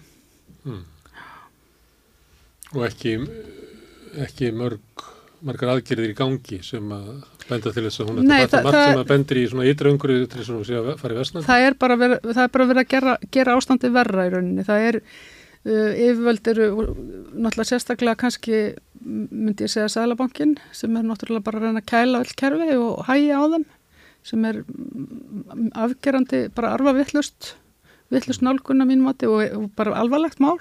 Mm þannig að hérna ég tek alveg undir með Ragnar Þór og þeim hvað það var þar mm. En þeir voru að skoða fyrst og fremst falla fólk? Já. Og örkja Já. Ekki að skoða láttökju fólk Nei, nei það, það sem, og það sem er líka kannski kom inn á það líka próstulega að sé sko að það náttúrulega hefur alltaf verið vitað að, að, og verið, að, verið lengi þannig að það er algengara að uh, sagt, falla fólk sé á legumarkaði heldur en á, á egnamarkaði mm. um, eftir hrun og þá náttúrulega fyrir legumarkaðurinn að stekka og það verður svona um, breyting á markaðnum í rauninni. Uh, og hérna og maður myndi ætla einhvern veginn að, að uh, það að legumarkaðurinn stekki myndi líka takna að hann væri svona að lagast. En það er ekki þannig, fólk er bara í legumarkaðnum af neyð eins og uh, Guðmundur Hrafn hefur komið inn á oft En það er, það er þannig að falla fólk kemst ekki inn á eignamarkaðin. Það fær ekki lán uh, ofta tíðum og það ekki, kemst ekki gangið greiðslumat. Uh, það fer eftir því líka hvort þú ert með sko, þroskahömlun eða, eða líkanlega föllun eða hvað. Þeir sem eru með sko, gæðrannarfallanir eða þroskahömlun geta ennsýður keftir húsnaði. En er það ekki þannig að það er engin öryrki sem er eigin húsnaði? Nema að hafa átt að áður en að verða ekki. Jú, jú, svo það... Það er ekki fræðilegu möguleiki að örki og örku lífeyri ná að kaupa sér húsnaði. Ég ætla að segja að það, það er kannski fræðilega möguleik að mann að góða að sem að hjálpa en Já. það er, þú veist, að þú nærði ekki á, á ekki tekjum. Nei, þú það ekki á eintökjum. Þannig að, hérna, og svo er líka náttúrulega bara á greiðslubyrjun, við förum inn á það líka í þessari skýslu, sko, hvað greiðslubyrjun getur við orðið alveg ískikilega há, sko. Þannig að, hérna, já, þetta er, enda, þetta er endalust, sko. Vilborg, þið eruð að, að vinna með fátökufólki alla daga. Hvað er, skiptir húsnaði miklu máli í þeirra stöðu? það skiptir bara öllu máli það er bara eins og þegar ég var að undirbúa mig fyrir þetta málþing í dag þá fór ég eins búin að hugsa aftur í tíman ég er búin að vera 20 ár í hjálpastáru kirkjunar og fann svona gamla bladagreina sem að ég hef verið viðtöl 2003 og ég hefði bara getað verið í nákvæmlega sama viðtölinu í dag það er bara ekkert gerst bara húsnæði eh, og hérna bæði skortur á húsnæði og verð á húsnæði hefur svo gífur áhrif bara á hag fjölskyldna og barna. Að, að, og það er svona meginst ástæðan fyrir því að fólk er að sækja til okkar. Það bara verið að segjast eins og er. Þetta er ömulegt að heyra þetta vegna þess að ef maður stendur í svona baráttu mm. og að- þá er allt í lagi að það sé erfitt og eitthvað svona því að annars lagi getur maður sest niður og hort tilbaka og séð að við erum þó náð þessum árangri. Já, já. Ef þú ert að segja að þú sest þetta niður fyrir ástæðuna horfir 20 ár tilbaka og sér það engan árangur. Já. Ég, ég tók fram ljósu punktana, það er hérna Bjarg og Blær, til að hafa eitthvað jákvægt í þessu sko, það, er það jákvæða í þessu þegar ég hef upplifað það að fólk hefur að koma til mín sem að hefur fengið húsnæði inni hjá Bjargi og, og það munar kannski 80.000 krónur á mánuði fram, sem átti framfæslu þá meira. Þannig að það eru ljósu punktanir, það er bara allt og allt og allt og fáir, við þurfum miklu meira því. Það er fólki sem að. Marja er að fjallum Já. hefur ekki aðganga í bjargi. Við höfum ekki vinnumarkaði. Al- Algjörlega, algjörlega. Og, náttúrulega- og, og náttúrulega stór hluta þeim sem er að koma til okkar muni aldrei geta, geta keft sér húsnæði. Það er náttúrulega e, mikið af, af fólki sem eru er, er, hérna, elendi, elendi, koma elendis frá, elendis, hérna, eru búsveitur á Íslandi núna, hafa ekki þetta bakland með sér til að hjálpa sér að kaupa íbúð. Menna, eins og þú segir að öryrkja kannski af fjölskylduna menna ég, ég eh, segja það að ég þarf að hjálpa mínum yngstu drengjum til að geta komast út á leigumarkaðin bara, þú veist, eh, út á, út á kaupa sér íbúð. Þannig að þe- þetta er bara staðan í dag að við höfum fullt af fólki sem að mun ekki geta komast inn, inn í eigin, eigin húsnaði og er að borga hræðilega háa leigu. Menna við erum að sjá leigu í dag 410 á mánuði. E, þú veist, þannig að, að það bara fólk á ekki fyrir salt í gröðin tekjurnar og húsnæðisbæturnar fara upp í, upp í leigu. En ef að kerfið er þannig að bara þeir sem að fá stuðning eh, er að fóreldra sinna þá, geta eignast Að þá erum við með kerfið sem að stýður þá sem að eiga eitthvað fyrir, en algjörlega, heldur hinnum niðri sem ekki eiga. algjörlega. Alltaf- og það er það sem kannski er ekki það, það er það sem við þurfum að breyta. Við þurfum að, sko, við þurfum að breyta sko, líka hugsa bara út fyrir þess að ramma sem við erum alltaf að hugsa inn í, við erum ekki að hugsa að það sé annars vegar, sko, það er almennilegumarkaðin eh, stúdendaýbúðir örkjabandalegi, félagslega kerfið og svo bjarga eitthvað svona. Mér finnst við þurfum líka að hugsa, sko miklu meira, meira, meira, nýja kynslu á einstaklingum í dag, fullt af ungu fólki fólk sem vil pröfa öðru vísi við þurfum að vera óhrætt að opna fleiri íbúðar möguleika að við sé ekki allir bara eins og við vorum fyrir 10 árum eða 20 árum og, en, Hvað er það að tala um þetta? Tala um svona bara eins og í, Japan og Kóru, svona bara pínlillar íbúðir. Nei, kannski bara, sé bara kannski það, sko, sko eins og hefur, var, var í Danmörku hér áður fyrir að Danir aftur að fara í það, svolítið svona kollektífa hugsun í, í húsnæði. Menna ef að þú, ef að þú hefur áhuga og, og hugnast það að búa í svona, þú veist, föstum hjólhísum að það sé bara byggt þannig í kringu það einstaklinga sem að vilja hafa þann valmöguleika.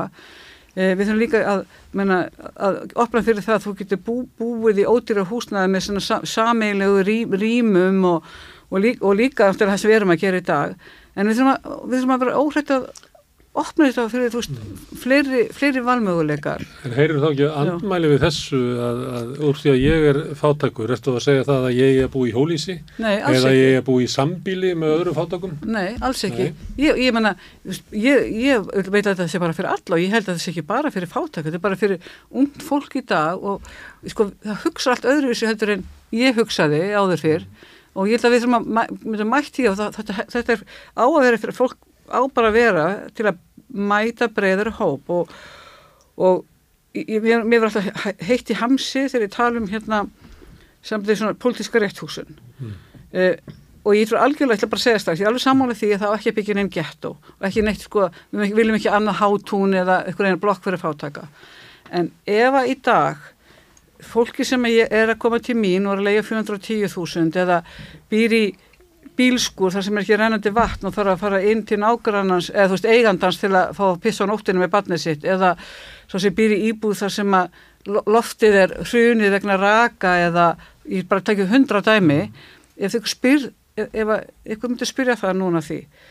Ok, hvort viltu býða henni tvö ár að fá íbúð félagslega íbúð eða, eða á vegum bjargs eða, eða, eða sveitafélagana eftir tvö ár í svona blöndir byggð eða ef ég myndi bjóða þeirra í fara henni í litla blokk sem við ætlum að byggja sem að væri það yngu til að byrja með með að bjarga fólki úr þessum aðstæðum. Mm. Hvort myndur þið vilja? Ég held að henni fátökum myndi alltaf vilja búa bara í blokkinni þarna. Já, strax. Þannig að henni fátökum er ekki sérstaklega hrettir við fát, annað fátökum. Nei, en, en þetta er bara stjórnmálum en í dag.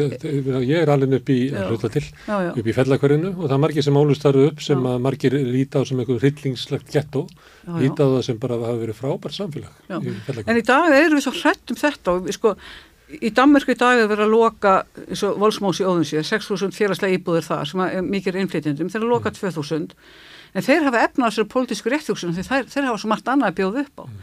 Við þurfum að komast þanga fyrst mm. til að geta bóðið upp á marga valmöguleika. Þau getum opnað blæfangin og sagt við hefum alla þessa valmöguleika, hvað viltu bara, en við erum, við erum ekki þar og við erum svo, svo ríkbundin í þessari pólitísku réttjóksun að það verður að vera svona að það gerist ekki neitt. Það er, það er ekki, það er ekki eitt þráður í blæfangnum okkar. Engin. Þortís, leyendur og fátakt er hérna það örugleið til fátaktar að vera lögumarkaði? Það er besta leiðin. Hvað skiptir hérna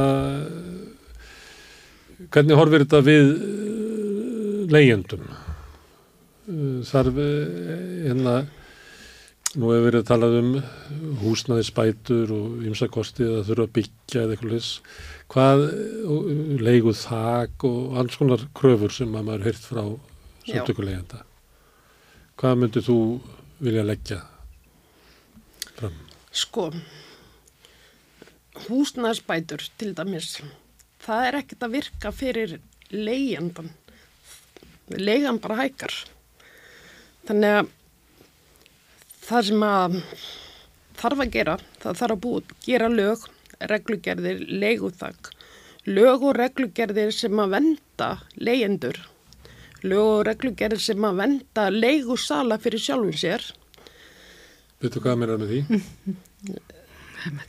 Ég meina það bara að ef það er engi lög, það er enga reglur um hvernig hlutinir eiga að vera, þá er það bara mannlegt eðilega að reyna að fá sér mest út úr því og þegar við erum ekki með neinar lög og ynga reglur sem heft, heftir þig í að reyna að græða á náungunum og reyna að hagnast sem mest að þá náttúrulega bara gerir fólk það mm -hmm. þannig að þetta er skadlegt í báðar áttir að það sé ekki lög eða reglur og auðvitað þarf leiguþak að vera en ef það er þetta sett leiguþak eins og staðinir í dag þá setjum við samt uppi með allt og háa leigu mm. þannig að það þarf að færa leiguþakki neðar heldur en það er í dag til þess að hægt sé að vera á leigumarka mm. þú veist, þetta er bara skjelvingar ástand, það er alveg sama í hvert við litum, það er ekki nema bara kannski bjarg sem að er skást en allt, ég menna stúdentaýbúður er alltaf dýrar samt átt að vera óhagnadri við þannig að þú veist, það er alveg saman hvar við horfum. Það eru næstu því að sama fólk fær í námslán mm -hmm. lega fyrir Já mm -hmm. félagstofnum stúdenda Já. sem er alveg ótrúlegt ég veit ekki hvernig námsfólki á að lifa af Nei, nei, það er sama með örkjana sko, það er, ég menna fólk get, getur verið að borga sko hátt í 50 til 75% ástofunartekjum sínum í húsalegu Já. og það er náttúrulega bara það er náttúrulega bara gríðarlega alvarlegt ég menna uh, já og og svo er svo er hérna sagt, þessi sérst, sérstæki húsnæðisstuðningur líka uh, hún ætla að færð átt að geta fengið fengið hérna uh, húsalegu bætur og sérstakann húsnæðistuðning eða úr stórörku. Uh, ég held að hérna, uh, samt dugar það ekki til, skiljiði. Samt er fólk að borga að því svo, ef, svo eru allavega reglur, reglur inn í þessu. Þannig að ef þú færi til dæmis í tekjumörkum ef þú ert að fá eitthvað út úr lífeyrisjóðu og ert komin eitthvað aðeins yfir í tekjumörkum þá bara færið þetta ekki. Þetta fær ekki bara null það er að reikna slíkt dæmi eitthvað sem er á kannski að framfærslu sveitafélagana uh, tekur eina aukavakt og fær 20 krónur. Þá ertu bara skertu 20 það tekur fyrir alla með hérna, húsnæðsbætunar og allt. Já Þannig að kerfin eru, þú veist, bæði sagt, öll tekju við með, egna við með, uh, allt þetta inni í þessum, þessum kerfum sem eiga, eiga að vera að virka og skapa einhverja velferð hérna, þau eru bara ekki að virka. Það er, það er bara þannig. Og svo einmitt eins og þú kemur inn á, ég menna, uh, húsalögubætur takna bara legan hækkar uh, í samræmi við húsalögubætunar, húsalögubætunar hækka pínulítið og þá hækka legan pínulítið Uh, hér er allt og mikið frelsi, ég menna hér mega, má sagt, hækka húsalegu alveg vilja vekk sko, uh, sko ekki, bara hver mánuði má hækka út frá vöxtum. Um, ekkert legu þakk, engar reglur í kringum Airbnb, Airbnb er að taka allt og stóran skerfalegu markanum og það er einhvern veginn já, þetta er, þetta er bagalegt, bagalegt ástand. Bara eins og skerðingarna á húsnæðisbótum eins og maður vinnur fyrir 20 krónur og kemur skerðingin ekki þennan mánu sem þú vinnur þennan 20 krónur heldur kemur það eftir þrjá mánu þegar þú átt ekki þennan 20 krónur. Mm -hmm. Og þú getur hverki farið, alveg, þú, það, þú þarf að vera einhver sérfræðingur í fjármála læsi held ég til þess að hérna, geta farið og reiknað út nákvæmlega hvað er alltaf skerðaði mikið. Þannig að þú, þú hefur einhvern veginn. Okay. En gerfin hafa svolítið breyst. Hérna síðustu öll að þá var fátökufólki, láttökufólki, mm. ekki endilega, ég er ekki endilega að vísa fólk sem er bara undir fátökla mörgum, mm -hmm. en láttökufólki fekk aðstofið að kaupa húsnæði mm -hmm. með niðugrætu vöxtum. Og það var ekkert sérstættið Ísland, það eru önnur lönd sem að lögðu mikla áherslu á sérregnastefnuna eins og þeimins í, í Nóri.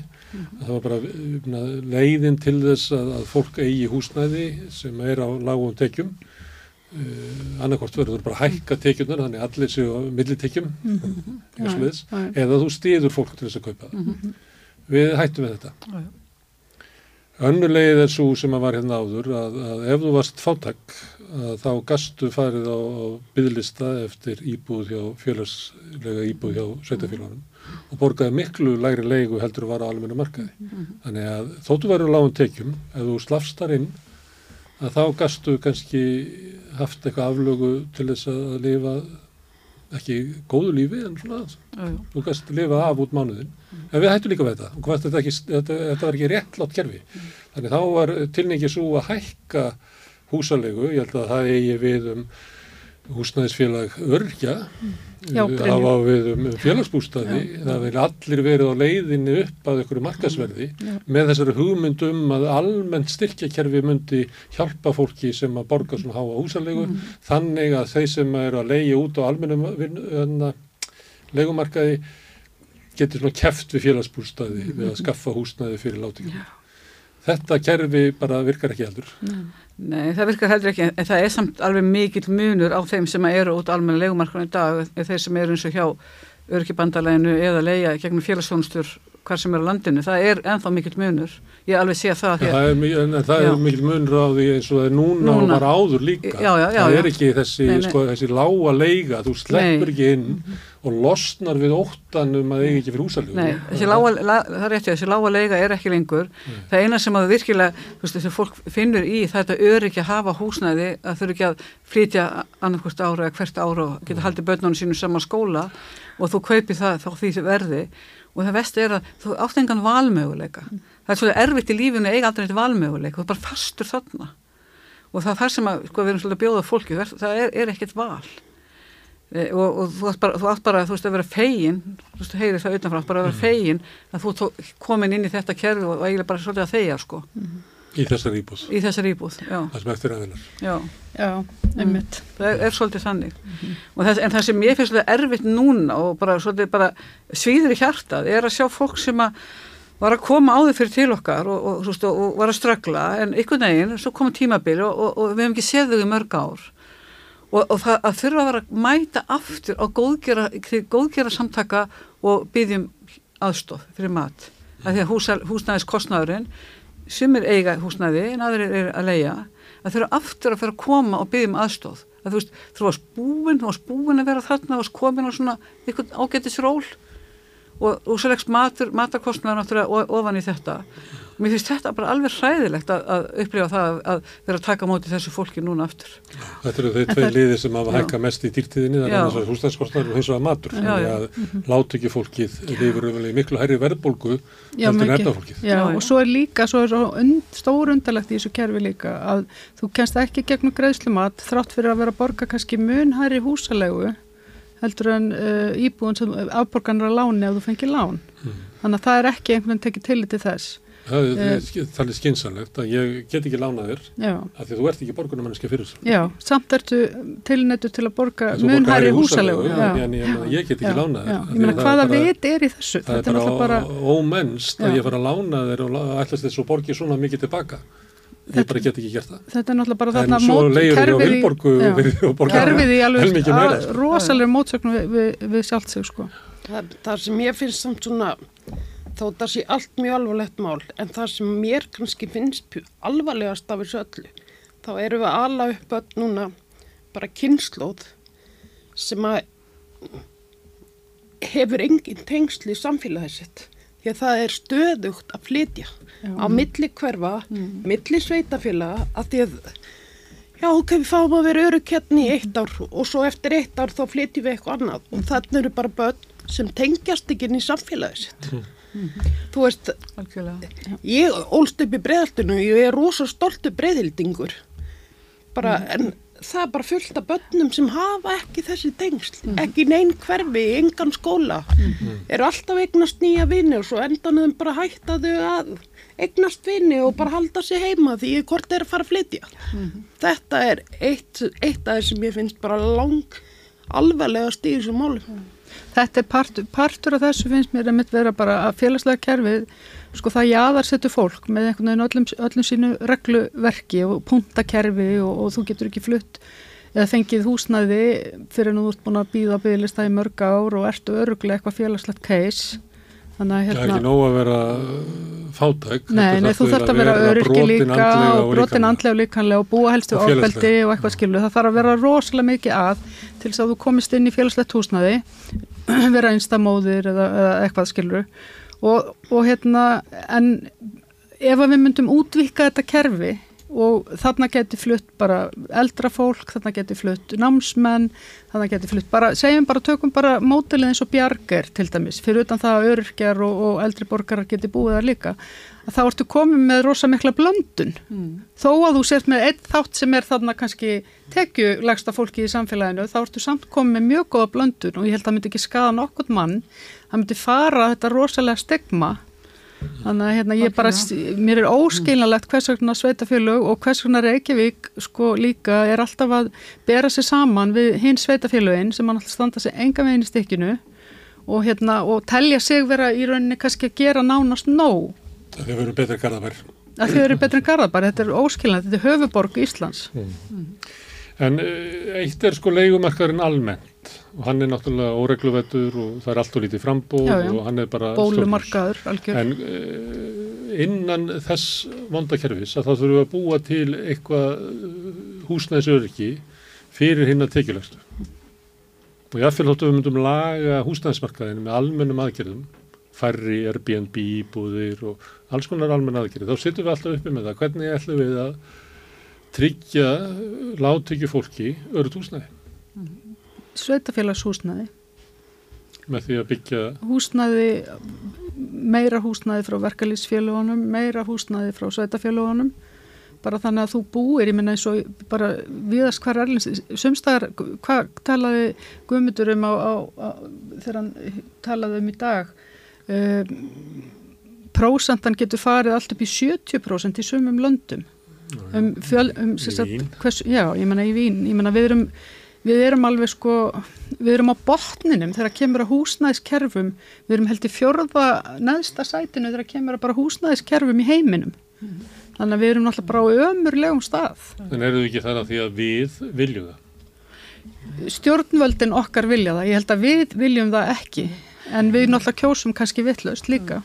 Ég held náttúrulega að við höfum líka verið alveg upp í þessu eignan stefnu sko og svo hún hefur verið alltaf ríkjandi bara á Íslandi gegnum aldirnar við þurfum að eiga eitthvað eigin húsnæði og sérstaklega þegar lífeyriskerfi okkar var alveg hræðilega lélegt að þá átti það að vera lífeyrin okkar og, og arfur bannan okkar. Mm. Þannig að við okkur hefur ekki tekist einhvern veginn að fara úr því að hugsa miklu meira á breytina til að þjóna öllum og ná til allra. En í raun hefur við farið út mm. úr því kerfi því að það er íbúði sem komin á markaðin eru 70% tilfell að keiftar af þeim sem eiga íbúði fyrir. Ég veit það. Þannig að sérregnastefnan hún dó sko upp úr 2004. Já, já, það er einmitt það sem við rættum á mínu borði áðan, hérna, það var það að, að veist, það er ekki líka að koma böndum yfir það að þú kannski eiga, þú átt íbúð, þú kannski getur átt eina auka íbúð en ef fólk er að bara sanga sér íbúðum þegar það séð annað, aðra skattgreist og annað kerfi á þá einstaklinga mm. þú veist svona, þú veist, ok, allirlega er fólk á einhverja eina íbúð og leiði börnunum sínum eða hva, hvað sem það gerir, en þeir að fara að sanga að sér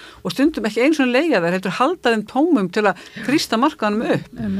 veist, það, það er svona hluti af, af þessu líka og við þurfum að ná böndum yfir þennan hóp, bara algjörlega og svo þurfum við líka kannski að, að leifa öðrum, ekki bara þá sveitafélagunum eða, eða, eða verkefælisfélagunum eða örkibandalæginu og við líka með samtöku eins og, og hvennaatkvarfi sem er að byggja, byggja. Mm. það, það með kannski vera önnur hagnaðdreifir samtök, það getur bara verið, verið ykkur aðri sem að vilja og hafa ykkur að lausni sem að við erum ekkert að hlusta á þú veist, maður vilja byggja ódýrt. Já, eins og var svolítið í gamla daga, svo því að veitni það, já, já. þá voru því kannist við kennarablokkina og löggublokkina. Já, já, já, yðnæmen byggður sér, já. Já, já, bara alls konar hópar og dæmum það myndust bara óformlugu félagskapur í að byggja eitthvað raðhús og þannig að það voru miklu fjölbreytilegri aðilar sem á voru að byggja. Og það náttúrulega byggði fólk líka mhm íbúði sem það ætlaði sjálft að búa í sem er náttúrulega öðruvísu uppbygging heldur en það sem að verktakar er að búa til ykkur að markasvöru sem að þeir telja sig ykkur eftirspurn eftir eða það sem er mesta álægningin mögulega að. Þannig að það er svona einhvern veginn orðið róf á milli framlegslunar og íbúana. Rósalega fjármála vætt umhverfi.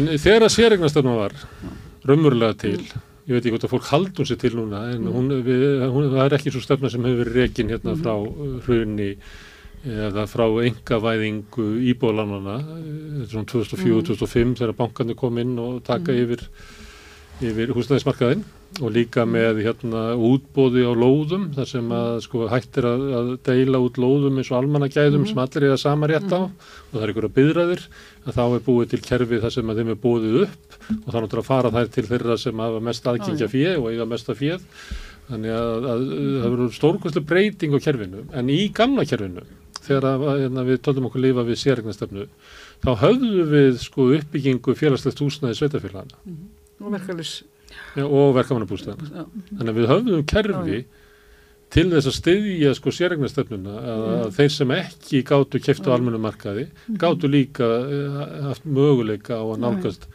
En við hefum einhvern veginn týnt þessu. Já, já.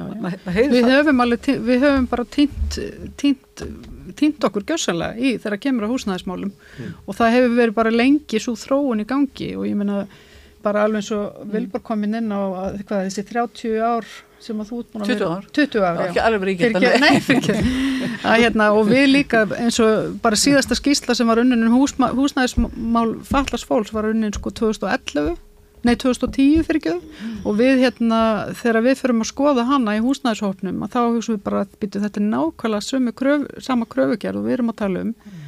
það verður ekkert breyst, það verður ekkert gerst í þessum málum Já, við vestnum, 2010 Já, eina sem hefur gerst er að þetta hefur vestnum Ég held að sko. húsalega hafi sko tvöfaldast hérna á, á förstu verðlægi sko. Já, og mér finnst líka, eitt sem að mér finnst líka mjög sko aðteglisvert ég, ég veit ekki alveg hvernig má tólka það en það, það má tólka það á mis, nokkra mismundi vegu en það er það að það er til dæmis ekki spurt eins og í konunum húsnæðisleysi. Mm. Já, 2010, 2010 já, já, sem, að, sem að segja mér mm. að það var ekki ábyrrandi í samfélaginu á þann hátt að, að það ætti ástæða til þess að spurja því. Mm. Þannig að þó að fullta fólki hefur verið að missa húsnæði sitt í rauninu að þá einhvern veginn virðist það að vera gert ráð fyrir því að kerfið hafi einhvern veginn greipi fólk eða, eða eitthvað, ég veit ekki, ég átti mikið á því. En En svo, svona, ég set alltaf samt, ok, það er alltaf verið að tala um breiðþóldi, það var náttúrulega byggt um með raði og ykkur gettó og bíbí og blaka og allt það skilur. Ok, það urðu félagslega vandamál í ákveðnum hverfum í breiðoltinu, en það lærðist mjög fljótt, seljakörfi byggðist mjög vel upp, góð blöndunar, skilur, frábærlega skipilagt hverfi og Já. þessu breiðaskverfina, ég hvernig að fólk er að skoða þessu komla hverfi, þau eru miklu betur skipilu þetta er þess að vera að byggja núna þessi hérna, já, þessar hamraborgir sem er verið að byggja alls. Einmitt.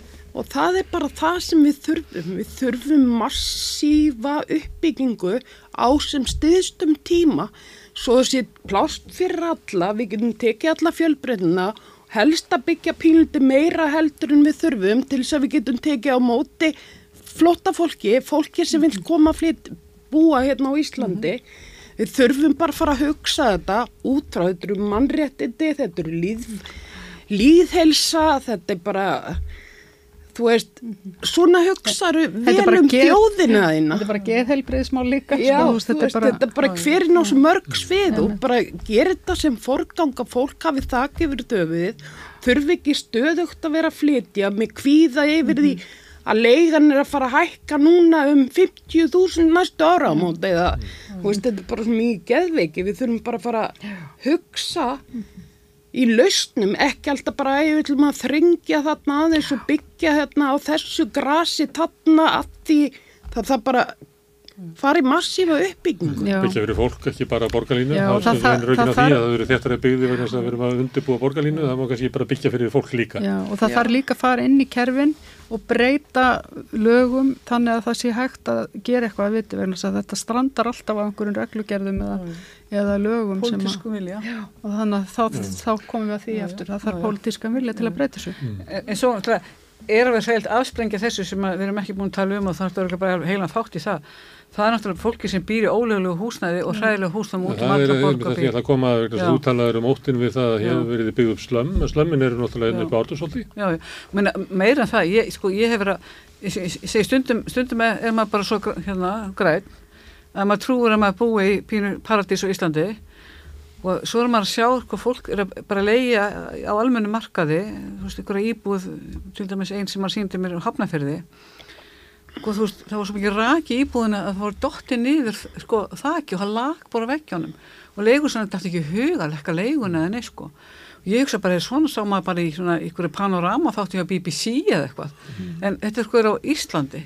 Og þe allt þetta er afsprengi af bara hræðilegu lélegu húsnæðarskerfi og fólk er að búa við bara ómannulega að, aðstæður og þetta eru börn líka, það eru börn sem búa þarna. Það er komin svona dykkan íst Já, já. ástand. Já, þetta það bara- sem þetta eru bara- einhverjir sko landlordar sem eru að að, að rífa fjö að fátöku fólki og leia því fullkomlega óbóðlegt úrstæði bara algjörlega hræðilegt, ég bara, sem segi, ég hérna, er ekki, ekki lengur oft sveflus af vinnunni, sko, en ég, þegar ég hef búin að segja þessa myndir, ég var svo brjálu og ég var svo reyða, ég bara alveg gæti ekki sofið, en svo hafði nú samband þarna við félagsfjónustuna að eftir og, og, og þessi kona, þau fengu húsnæði, sko, þau var alltaf ekki að bjóða einum en einum búa þarna, en bara, það er, en það svona er, er þetta. svona, og þekki svona sögur líka Já. einmitt frá fölluðu fólki sem Já, er- já, En ég er alltaf að vísa í gamla daga.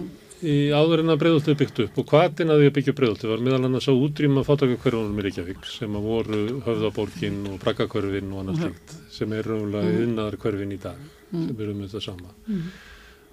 Þá einhvern veginn var þessi drift til í samfélaginu að vísa til þess að við verðum að losna við þetta og þar vantaði ekki sko stigmað og fordómana kakvart höfðaborginni og bragga, Nei. þeim íbúum braggakverfisins en samt gatt samfélagið litið svo upp að við ætlum að byggja þannig að þetta fólk komist í öru túsnaði, mannsamöndi húsnæði. mannsamönd túsnaði.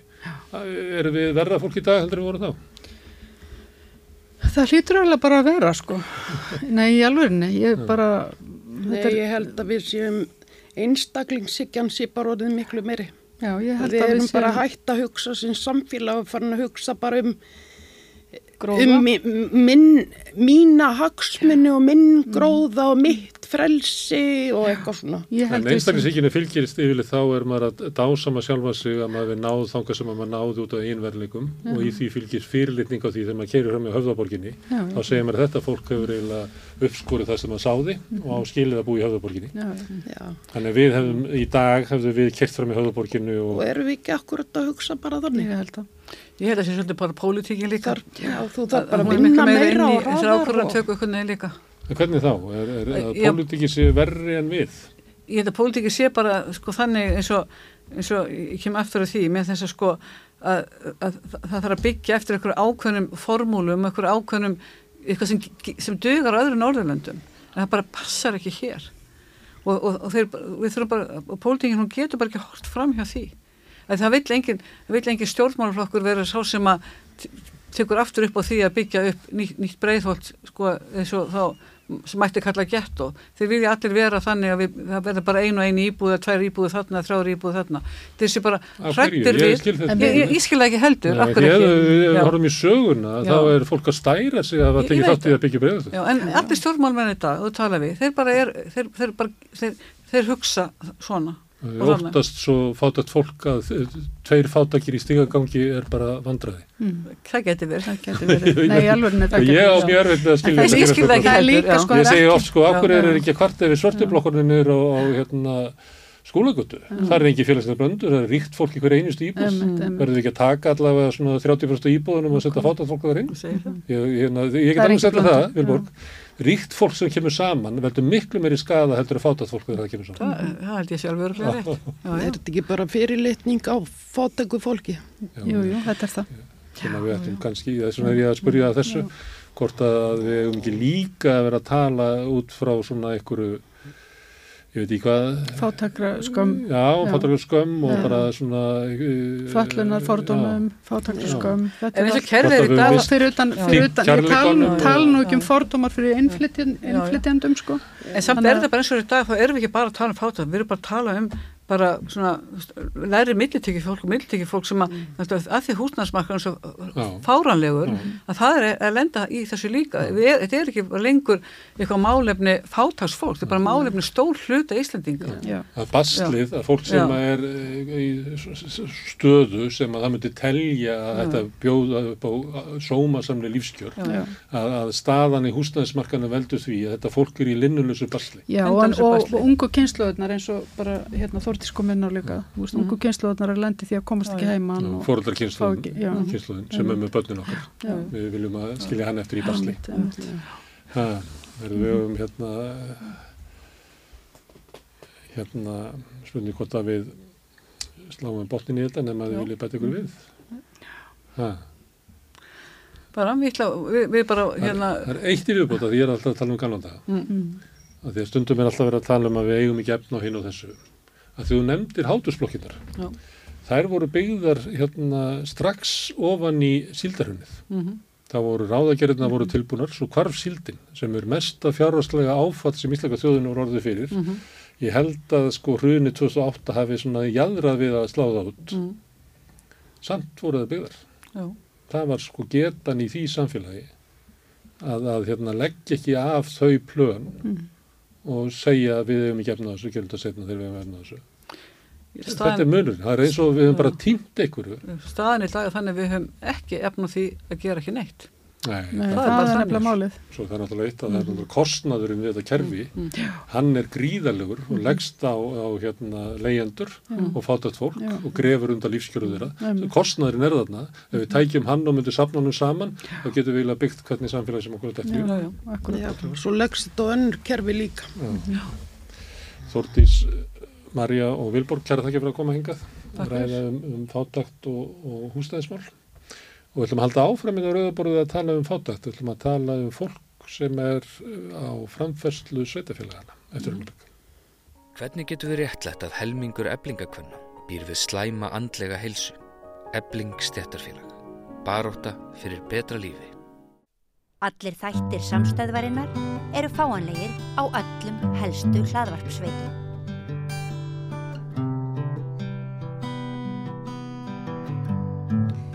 Já, ég var að skoða tölur frá Hagstofunum daginn og sá þar meðal annars að, að útgjöld sveitafélaga vegna framfærslu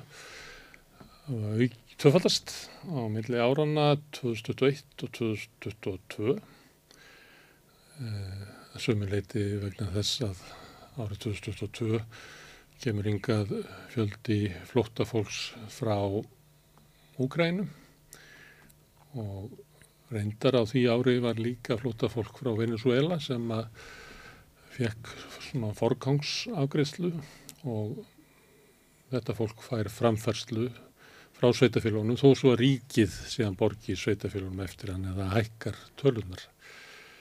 Eftir sem áður þegar maður skoðar þetta að þá gefur náttúrulega ljós sem að við kannski mörg hverju vissum að fólk sem er á framfærslu sveitafélaguna fær ágáðlega lága uppið.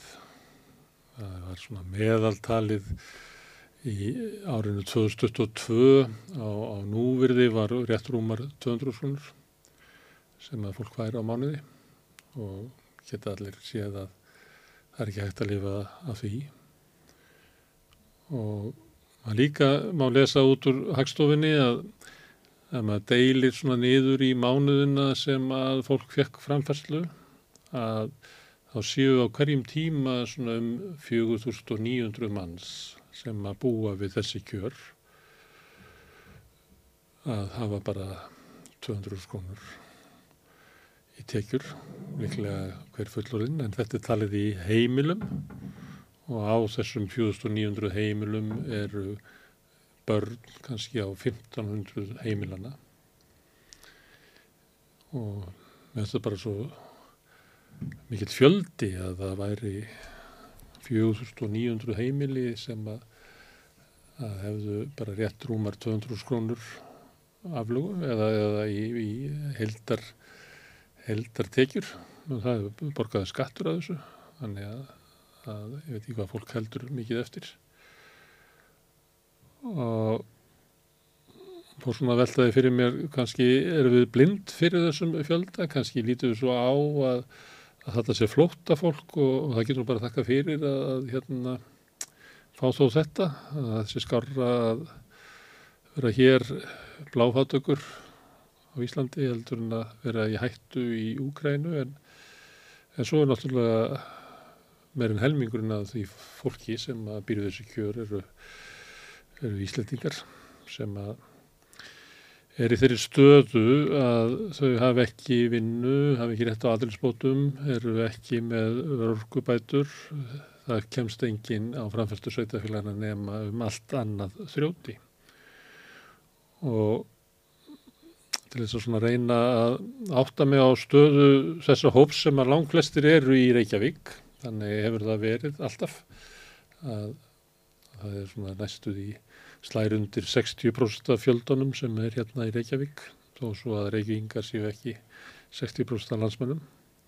Það er fengið hingað Sönnu Magdalenu Mörduðdóttur sem að situr í velferðaráði í Reykjavík sem að meðal annars fjallar um, um stöðu þessa fólks og tekur í ykkur tilfellum ákvarðanir.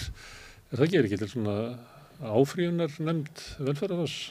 Jú, ef þú fengið sérstaklega sinjun á hérna, einhverju svona umsókna þá getur þú áfríðað í rauninni og, og svona skýrir fram á þína stöðu með persónulegu brefi af hverju þú þurfir á hérna, eins og fjárhásafstóða að halda eða félagstöðu leiguhúsnæði eða mm. sérstakum húsnæðistöningi en það er ekkert allir sem vita þessu reyndar. Nei. Sko, margt sem að kemur mér ávart þegar ég er að skoða þetta. Eitt er náttúrulega hvað upphæðin er lág og þú er nú svo sem ekki aðtikla á þessu áður. Mm -hmm. Í dag eru sá sem er á framfærslu Reykjavíkuborgar fær hvað mikið? Uh, rétt rúmlega 228.000 fyrir skatt og þetta er sem sagt ef þú getur sínt fram á og þú reykir þitt eigið heimili, ef þú getur sínt fram á í rauninni þinglýstan húsalögu samning mm. en svo fara upphæðnar lækandi ef þú til dæmis hérna, byr, byrð uh, inn á öðrum Uh, svo spila líka inn í eins og framfærslu skilda maka, þannig ef að makiðin er með herri tekjur á mánuði en upp er fjárhástöður að þá þarf þetta að trista makaðinn, þannig að það er alls konar svona skerðingar þættir sem eru byggðir inn í þetta en grunn fjárhæðin hún er sér sett að hámarki hérna 228.000 krónur rúmar fyrir skatt. Já. Og af því nær hérna líklega Reykjavíkuborg aftur 11.000 krónum tekur í skatt. Ég býst við að þetta sé ekki tekjuskattur, þetta sé útsvar, Já. þannig að þetta fyrir ekki ekkur aftur. Þannig að sá sem er með 225 krónur, hann fær 2013 krónur, mm -hmm. eða 2014, það er það bara.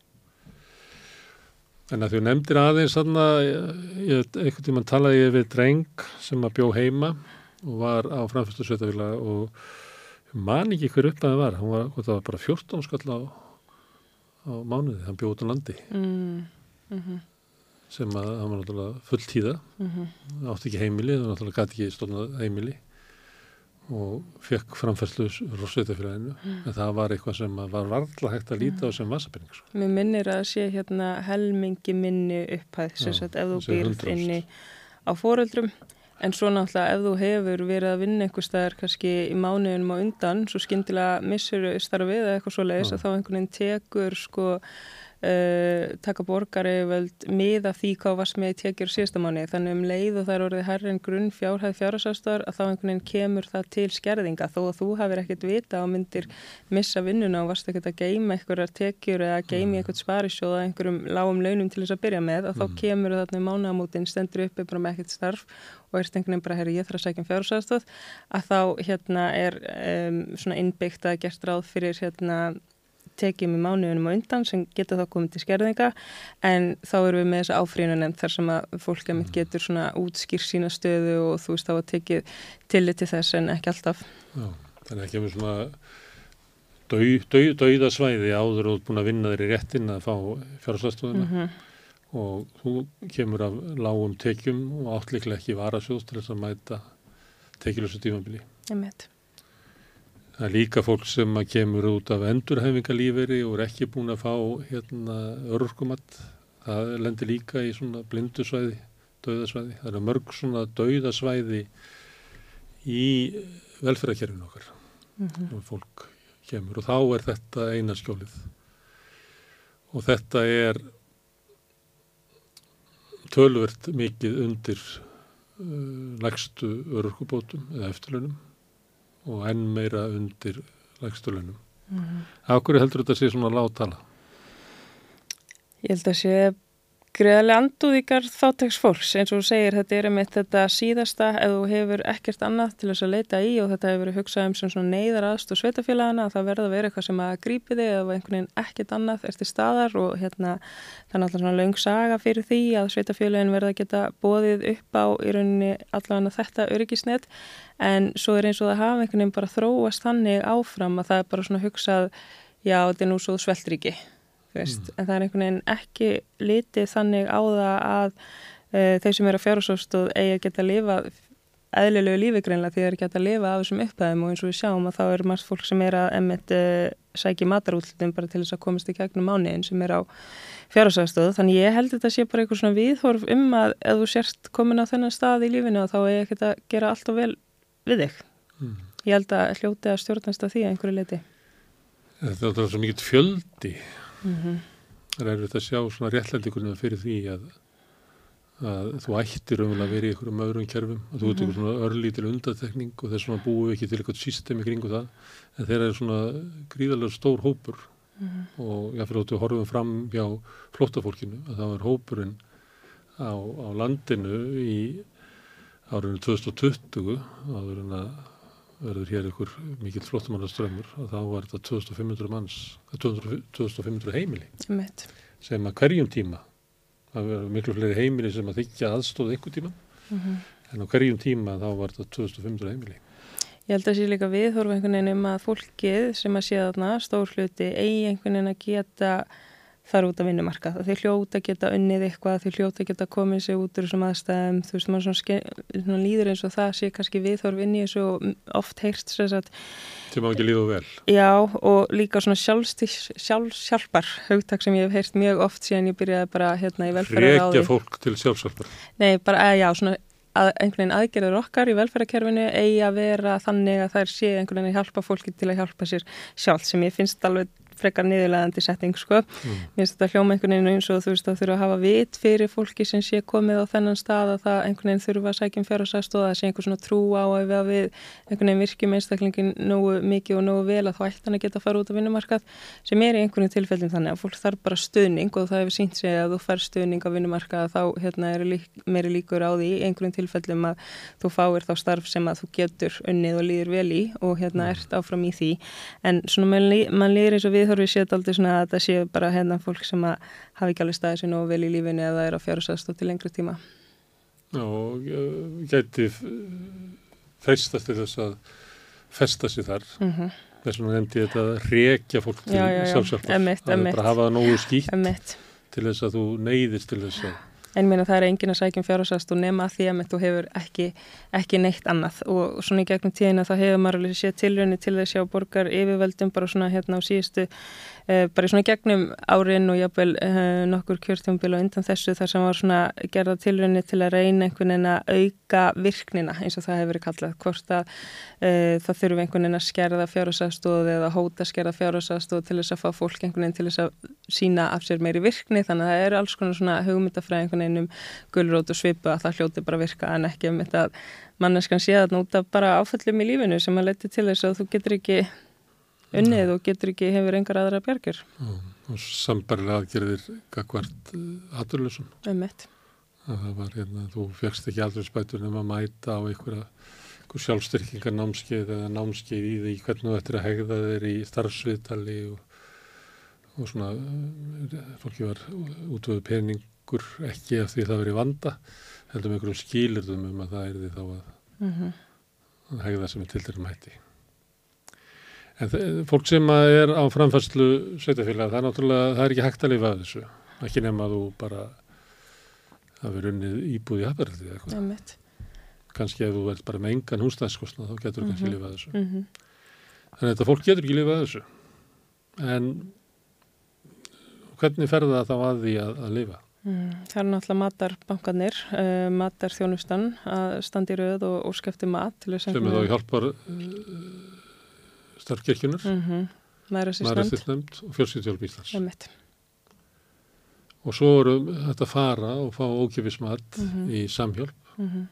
og á hernum -hmm. og það er fyrst og reynst þessi uh, fimm hjálparsamtök sem að koma þá á móti er þá að styðja sveitafélagin til þess að geta haldið þessum greiðstu svona lágum mhm og ég hef mér að einmitt bara um félagsrákjá sem er þá veginn á þessi úrræði og hérna sem er náttúrulega að reyna sitt besta en sína hvaða fáránlegt ef að velferðarkerfi getur ekki haldið hérna utanum þau sem eru í þessari neyð og er einhvern veginn bara eitthvað hvernig að ég borða út mánuðin og þá er verið að vísa til þessara hjálpastofnana til þess að fá mat mm. og svo vitum við að þetta er náttúrulega bara vítarhingur sem að hérna, stakkar og stakkar ef þú ert til dæmis alltaf í mínus og byrjar að leita kannski yfirdrátt að heimild eða smálán til þess að fjármagna bara mánuðin og læknisheimsóknir og það sem er að gera þá náttúrulega er þetta bara um, ennþá erfiðar og erfiðar eftir því sem að nýr mánuði kemur og þú ert alltaf í mínus á þessari lári upphæð þannig að það bara eigur líkurnarunni og festist þarna út af því að upphæðin er svona lág.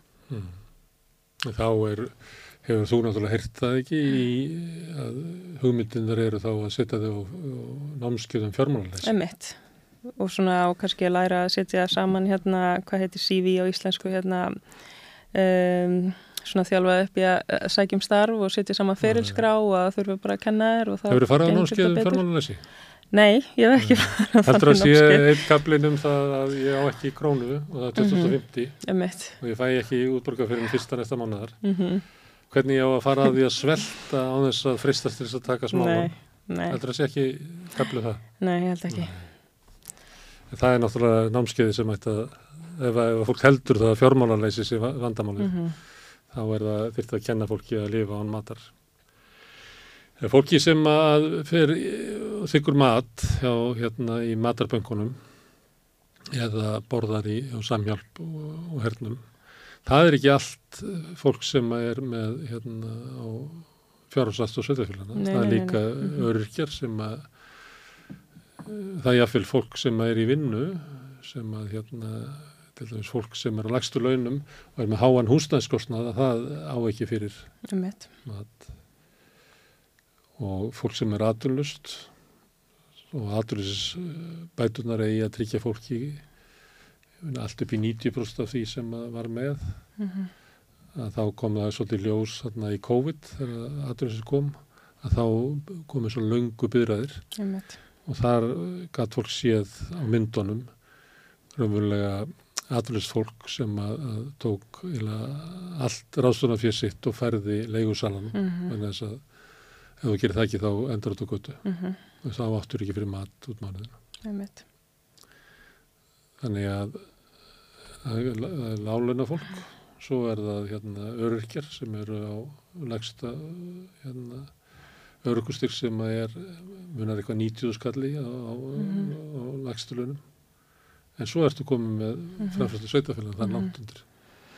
Þetta er raunni upphæð sem er svona fyrir hérna tveggja herbergi íbúði leigu sko. Þannig ég bara í alveg skil ekki hvernig fólk fyrir að því að bara komast af í gegnum mánin því þessi upphæð hún er svona eiginlega döfa fyrir leigu og svo ekkert meira sko. En það vita það allir. Emmitt.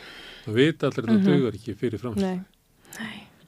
En það eru sko þegar að við hérna sósilistar í borginni hefum verið að tala fyrir því að þurfa að hækka þessa upphæð til þess að þetta komi veg fyrir bara öll slæma áhrifin sem að fylgja því ef einhver er svona hérna á lágum tekjum og hvað þá til lengdar þá bara býr þetta til fleiri vandamál fyrir að leysa það og þá eru svörin einhvern veginn alltaf sko já þetta er, þetta er neyðar aðstóð sveitafélag, þetta er einhvern veginn til að grípa þig eða þú hefur alls ekkert annað og þetta er eitthvað neyðar aðstóð og, og þá er maður bara já en ef þetta er neyðar aðstóð þá þá ekki að tryggja fólk getur borðað allan út mánu en þá bara nei, þetta er bara eitthvað svona hugsa sem skamtíma og eitthvað ef eitthvað kemur upp á þetta er alls ekki hugsa til lengri tíma. En ég menna auðvitað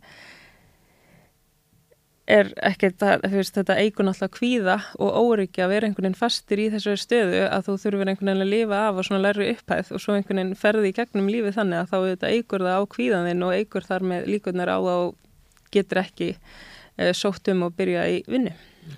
Og því neyð en það er Mm henn til þín svona tæplega hálfum björgunarring. Já, emmitt.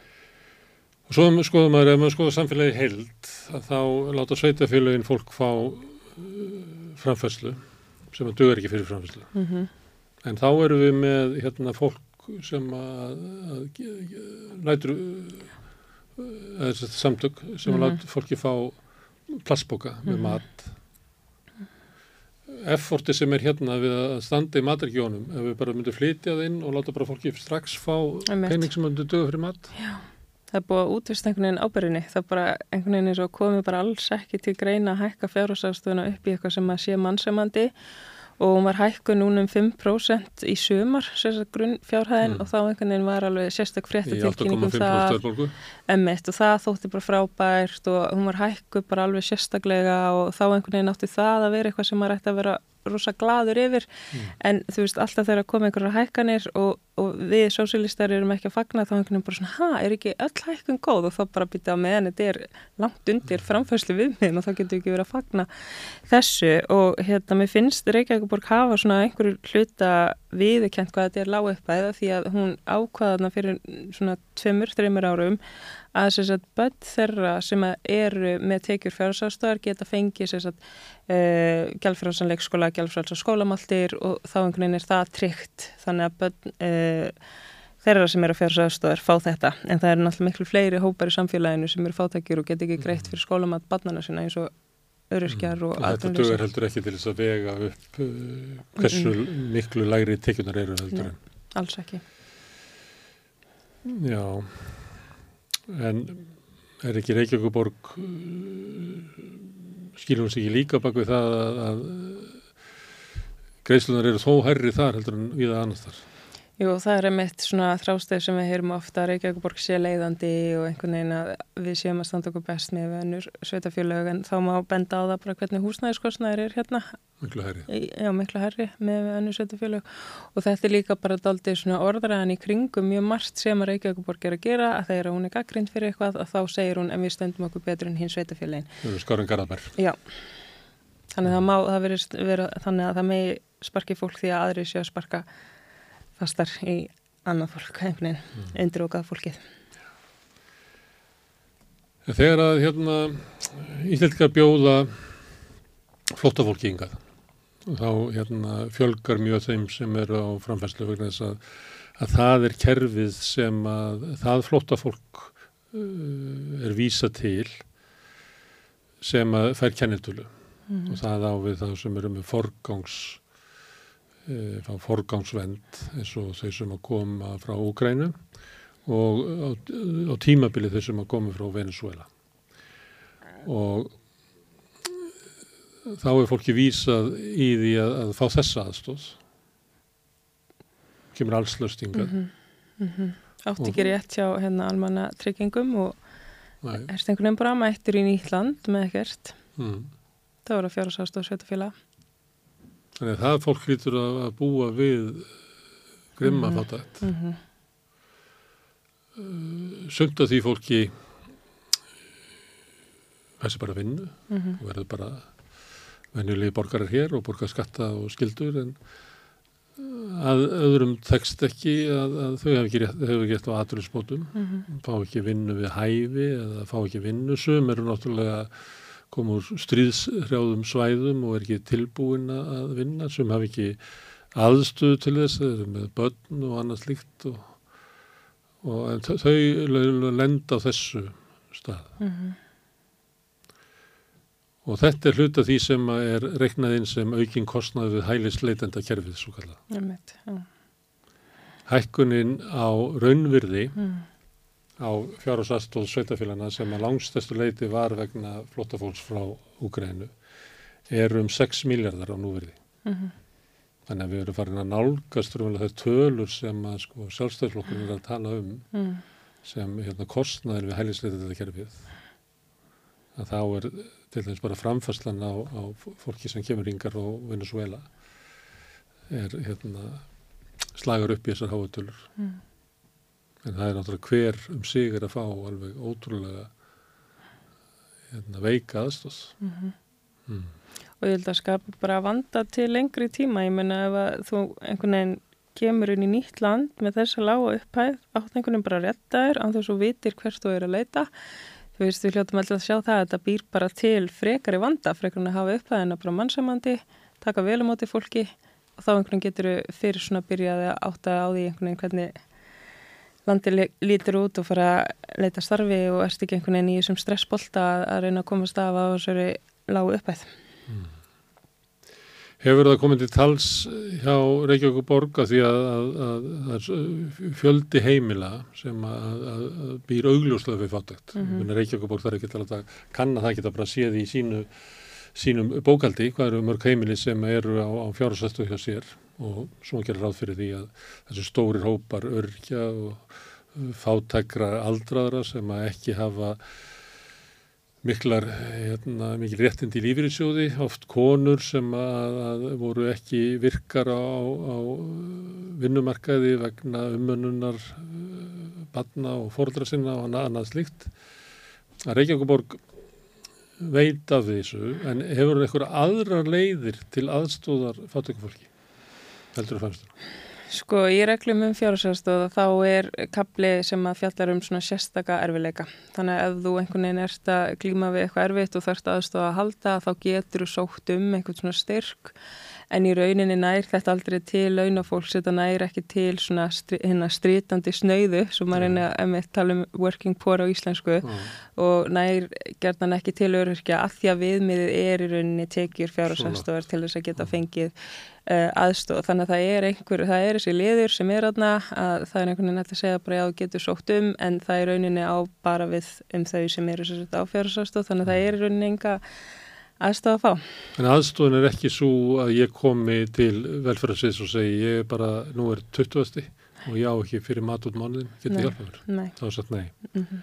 En ef ég kem og segi ískapurum við bílaði, Mhm. Þá getur þú sótt um húsbúnaðastyrk. Það er svo að það sem velferðsviðið með þetta er alltaf 100.000 krónur sem er hægt að sækja um það er bara eitt skipt á æfinni eða eitt skipt á ári. eða- Uh, það er rauninni bara svona metið hverju sinni, kannski ertu hérna, kannski fegstu fyrir fjórum árum en þá kannski kom mikla og rakaskemdir og þú ert að flytja í nýtt húsnaði að þú varst heimilslaus á þessu tímabili þá getur þú sótt um.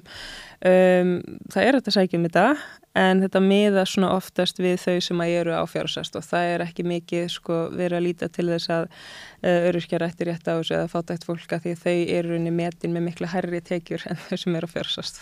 Þannig að þau ætti einhvern veginn að geta séð um þetta sem við vitum að þau geta ekki. Og þar með er í laðstofun upptalend. Já, það er hérna útfara styrkur.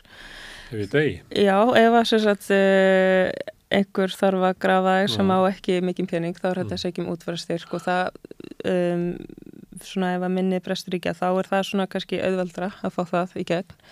Um, en þetta er, um, þetta er svona aðstof vegna sérstakra erfiðleika, um, það er svona varðandi niðurfellingu á skuld við skóla og frístasvið vegna uh, gjalda eins og til dæmis skólamáltíða að þá hérna, hefur velferðarsvið í rauninni heimil til þess að samþykja einhverju skuldir verði felda niður og það hefur alveg komið inn á borð uh, til borgarinnar og þá er það ekkert endilega bara þau sem eru að fjárhásastóð um, og svo svona aðstof við að greiða skólagjöld ef að bönni er í einhverjum skólum sem er ekki reikin á vegum borgarinnar og aðstæði bassins eru það sérstakar að það talið þurfa að þau þurfa að vera í einhverjum svona öðrum skóla en borgareknum.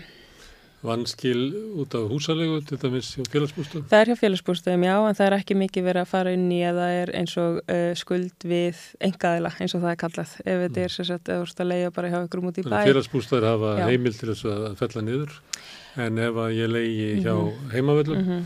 að þá mun borgin ekki aðstofa mig við að, að losa mig við að ég er búin að sapna saman mm Mhm. tveggja mánuða skuld og þau hóta að henda mér út vegna þess að ég er ekki með framfæstu til þess að borga þetta. Mhm. að þá getur borgin ekki komið og aðstofa mig við að greiða niður þessu skuld til þess að ég haldi íbúðinni. Nei, sko það er meiri líkur að vera samþygt að þú ert að fjárhásast og þá er einhvern veginn svona að hugsa einhvern veginn við erum komið veg fyrir starri vanda en það er meira um stuðning sem sagt velferðarsviðst til þeirra sem að eru hjá félagsbústöðum eða hafa verið hjá félagsbústöðum eru með skuld og eru sagt að fara aftur inn í íbúð uh, félagsbústöða eftir bara einhver tíma eitthvað gerðist. Um, þannig að þetta fer allt saman fram í gegnum áfríðanemnd velferðarás Og félagsráðgjafarnir sem að vinna hjá velferðarsviði að þeir vísa fólki á og benda fólki á og þú getur farið í samhjálp í hátteginu og, og sem er, er ekki, er er lokað um helgar eða ekki. En svo getur þú farið í, í, í hjálpræðisirinn og það eru matargjafir þarna hjá mm fjölskyttuhjálp og matarnefnd og, og hjálpastofn kirkjunar. og svo er unni sko fyrsta viðmóti að þú sækir um fjárhásafstöð að, að því að Reykjavíkuborg er reyna að rafræða ferlið. Þannig að það er unni fyrsta stoppið sko að sækjum rafrænt. Og þú getur fengið sinjun þar eða kalla eftir frekari gögnum að þú þarfst alveg að gefa upplýsingar um bara alla þína fjárhástöðu í rauninni um, þannig að það er ekki þannig eins og fyrsta stoppið sé alltaf einhver manneskja sem að takja á mótir að því það er verið að reyna að rafa þetta svona meira þannig að maður setur líka spurningamerkja bak við það hvort að ef þú ert að sækja um fjárhásastóð uh, hvort að ekki einhver manneskja svona grípa þig og heyri í þér og, og svona hérna fá vita meir um þína stöðu. En einhverju hafa verið að kalla eftir eða vilja þetta rafrænt að það sé líka flóki að vera að fara alltaf einhver stofnun taka viðtal og svo leiðist þannig að verðum einhvern veginn að hafa bæði þetta jafnvægi það sé einhver manneski sem getur tala við en líka þú getur bara afgreitt þetta rafrænt og ekki þurft að taka stræt og ferð lengst nýra á einhverja skrifstöðu. En svona eitthvað sem að vera þetta flokka sem svona samfélag er eh, þeir sem eru fátæk þau búa þröngt og við erfileika og eitthvað það sem að ég geti farið eitthvað stöðar verið innan um, innan um aðra komist kannski í tölvu Bókasöfn. bó, bókasöfnin Mm þangað er uh, köllunum Einmitt. gistiskílunum Einmitt, já. sem, svona, sem félagslegt afripp Það er ekkert dag, dagsettur, ekkert svona úrræði sem getur verið í yfir daginn sem að mæti sérstaklega þínum þörfum. ekkert svo leiðis Það er náttúrulega hérna hjálpræðisherinn en það er kannski svona er aðeins hugsa fyrir annan hóp eða svona, þú veist, já, mætir ekki alveg kannski þörfum þeirra þó að séu þetta verið að taka vel á mótöldum veit ég en þá er þetta bara svona mismöndi hópar með mismöndi og þarfir. fleiri söfnuður svo sem opna líka eh, reynda að búa til eitthvað. Það er líka til vinabær fyrir þá sem eru með gæðrann að vanda. Það Ekki? Einn dagsettur. Vin, dagsættur, já. Já, hverfiskötu, emmitt, jú. Svo var eitthvað hérna út á, út á Granda sem var svona, eitthvað svona félags sem að, að ég held að veri aðlað meira að flotta fólki. Mm. Er, það, þetta er ekki svona ríkt í bænum að sé eitthvað stöðu það sem að svona ígildi bæjartorksins, að við byggjum Mhm. í svona, það sem var skora veður þá getur maður alltaf að labba niður á torg og sest á bekk og verið svona innan um hana fólk það, við gerum það ekki hérna í það er selt í sundið.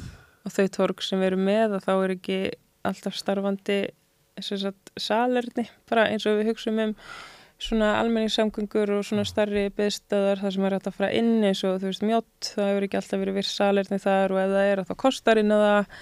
Uh, hlemmur mathöll fólk sem er ekki greiðandi viðskiptavinir upplýðir að það sé svona daldið vitangars þar. Já, og er í vandraði með salrið þar, mér Mhm. finnst þessi hurðalust hjá kollunum og búið að vera langa tíð. Já. rökin voru ykkur, ég manna ekki hvort það voru til þess að varna því að fólk var að nota þetta til þess að sprauta sig eða eitthvað, það var bara tekin hurðin af klostinu skilst það að sé þannig já. Þannig að það er svona svolítið grófar aðgerðir Mhm, oft sem mhm. að tengist svona svæðinu. Nú er þetta, þetta er mikill fjöldi. Hérna finnst þetta að vera svona eitthvað svona aðtegli á þessum hópi? Svona, Já. Mér finnst það og það þurfi líka að skoða sko að því að einhverjir eru að fjárhásast og bara uh, ekki lengi, kemur eitthvað upp á, sækir um og svo ertu bara strax komin, í, komin á betra stað. En svo eru það sem er talað um sem sko langtíma notendur sem ég finnst kannski ekki alveg svona rétt orð en það er þarna hópur sem að hefur verið lengi á fjárhásastóð sem er þá svona gerir maður ráð fyrir mjög félagslega einangraður og einhvern veginn bara svona fastur í mjög viðkvæmri stöðu sem þurfum við sérstaklega einblýna á. Og líka það sko hvernig bara um, við erum að koma fram við börn og barna fjölskyldur að einhvern veginn segja bara þetta sé í lægi þú veist hér er eitthvað sem við vitum að dugar alls ekki til framfærslu en barni fær frítt í mötuneti í skólinum, grunnskólinum einhvern veginn þú veist þetta er svona maður skilur ekki alveg hvernig er þetta réttlega eitthvað svona þú veist þau eru reyna við að kenna hvað upp aðeins í lág með því að hérna hafa gjaldfrálsar skólamáltir en svo einhvern veginn bara eins og fólki að redda sér og, og já, en það er ekki hægt að redda sér á þessu það er bara hljóttum að það sjá það Er það þá þannig að, að við erum hérna með Mhm. svona velferðarkerfi og Mhm. við ætlum að grípa fólk sem verður fyrir einhverjum áföllum eða er einhverju aðstöðu þannig að það þurfa að hjálpa að halda. Mhm. Og við ætlum að gera þetta fyrir þennan og svo kemur einhver hópur og segir bara, nei því, það er bara, Mhm. þið bara fyttið ekki alveg inn í kerfið okkar sem við vorum að sjá fyrir okkur. Mhm. sko, Er, er það þannig? mest áherslan sem ég hef tekið eftir varðandi bara hópin fólkafjárasastóð eru svona virkni úrræði Mm. Um, að það þurfum einhvern veginn að tryggja hérna, fólk sé sett í viðendi virkni úrræði sem að einhverjum tilfellum bara þau sem eru að fjárasastóð hafa verið að kalla eftir þau eru að segja bara, herðu, við viljum fá virkni úrræði á þessu tungumáli að því við tölum ekki íslensku eða eitthvað svoleiðis og eru, þú veist, vilja fá bara kannski eru að koma nýjinn í landi vilja fá stuðning við að sækjum störf, vilja einhvern veginn fá, veist, uh, meira svona utanumhald kannski við að svona fóta sig í hérna uh, samfélaginu um, en minnst þetta hafa verið svona helsta áherslan, alls konar svona virknu úrræði einhvern veginn, þú veist, eins og þessi verið að hugsa einsta mæður á fjársaðstof með börn við þurfum sérstakt úrræði fyrir þær kannski fyrir kallmenn, eigum að samin þetta það er svona helsta sem ég teki eftir einhvern veginn, En er ekki ágætis virkni úrræði að láta fólk bara hafa pening svo Mhm. það geti farið í, í leikús eða Einmitt. íslenskunumskeið? mm -hmm, það verið virkur út mánuðin eða að borða alltaf mánuðarins það er svona grunnun hefur maður haldið Hvað veldur því að, að, að það er ekki, ef, ef þú myndir spurja fólki, Mhm. hvað er það sem ykkur vantar í lífinu? mm -hmm. Segja ekki flestir peninga? Jú, En við erum til í að láta þau fá í allt annað en peninga. Mhm. Og ef við láta, meiri sér við meiri til í að sko búa eitthvað flóki kerfi Mhm. til þess að við setjum eitthvað í plastbókan og réttum því uh, Mhm. og sagði því að borða það. Og svo líka bara fáranleikin í þessu að því að núna var ég inn að munna mitt, þú veist, við lögum til að hérna, þau sem væri á fjárhásastöðu getur fengið frýtt í strætó, frýtt strætókosta því að við vitum bara þessu upp að duður ekki, höfum marg oft lagt til að hún voru hækkuð upp í bara upp að lagstu launa, það hefur ekki verið samþægt að voru bara, herði, getur ekki alltaf hana útvega hérna, frýtt í strætó, svo það sé einhver liður sem er bara þurfa ekki að greiða fyrir.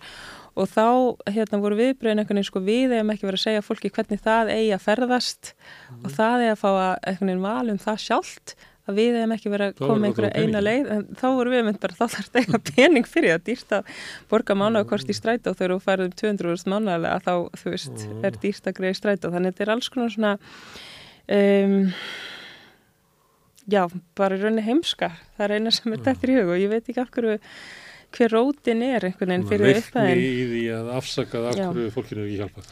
emitt, Það nú oft talað um í húsnæðismálum að þá það má alltaf nefna sko að þurfa að byggja yfir í fátæku áður en að eitthvað byrjar að tala um að ekki viljum við fá eitthvað gettó mm sem að hefur aldrei verið vandamál í Íslandi. það er að vera félagslega blendin eins og það kallað Já.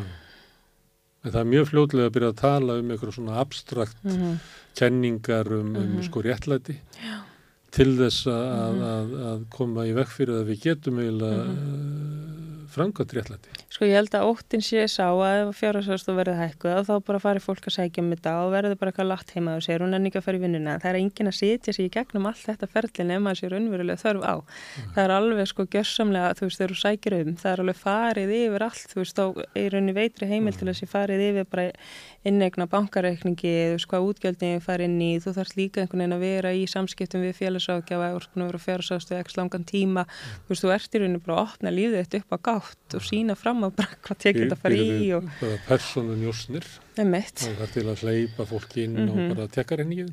Mm Skattframtalið og Já, já. fjöldi bíla og var þessi bíl ónýtur, þá máttu eiga hann og Já, konar svona, sko. Og það er eitthvað búin að Mhm. búa heima hjá þig Mhm. núna í tvo mánuði og þá þarf að breytast eitthvað. Mhm.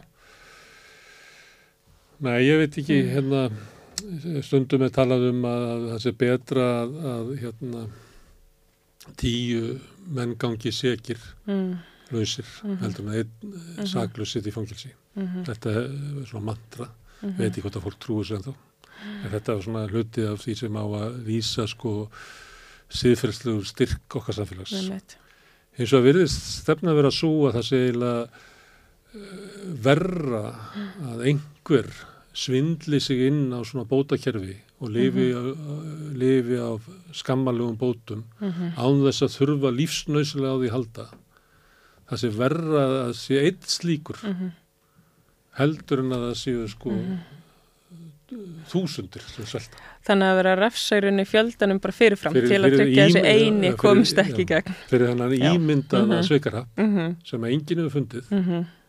Og menn, menn sem menn hafa sótt dæmi maður ekki eftir konun í, í, í Danmarku sem að svindlaði á, á, á bótakerfinu þar Mm skráði alls konar ætti ekki að sinna hún var var starfsmaður kerfisins sko. -hmm. Einmitt. hún var að svindla þar þannig að það var sko ykkur á velferðasviðinu sem var að svindla sko, það var ekki svo sem að þannig að allt þetta tal um, um fólk sem er að svindla á bótum, velferð queens og allt þetta hefur aldrei fundist. Og einu dæmin um þetta sem við höfum eru uppdyktaða personur Mhm. sem hafa nú verið settar hér upp á leiksvið og búna til sjónvarsmyndir og sjónvarserjurum Mhm.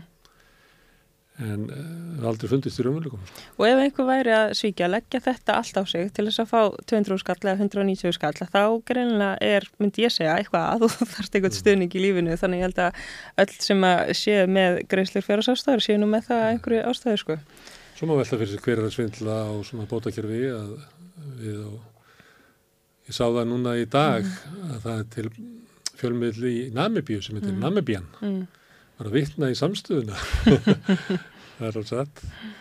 Að því að samstöðun var að skrifa um það að hérna Sameri hefði fengið styrk upp á 100 miljónir út úr orkusjóði. Mhm.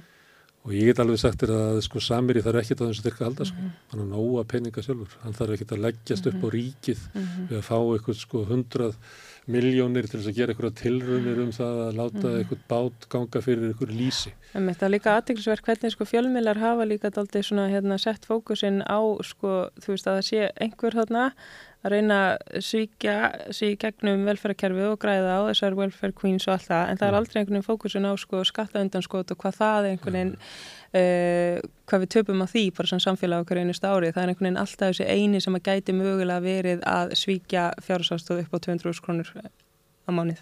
Ég held að sé til dæmis eins og þessu tilfelli er bara samherji. Mhm. að búið til eitthvað kerfi sem að vera aðstóða hérna, fyrirtæki í, í breytingum út af hérna, orkuskiptum Mhm. þá ég held að sé, það er ekkert réttlætt í því að þinn allra ríkustu sæki um styrkina sem hafa alla burði bara til þess að sjá sjálfur um sín orkuskipti sem eru til þess að lækka kostnaðum til lengri tíma að þetta getur gert það.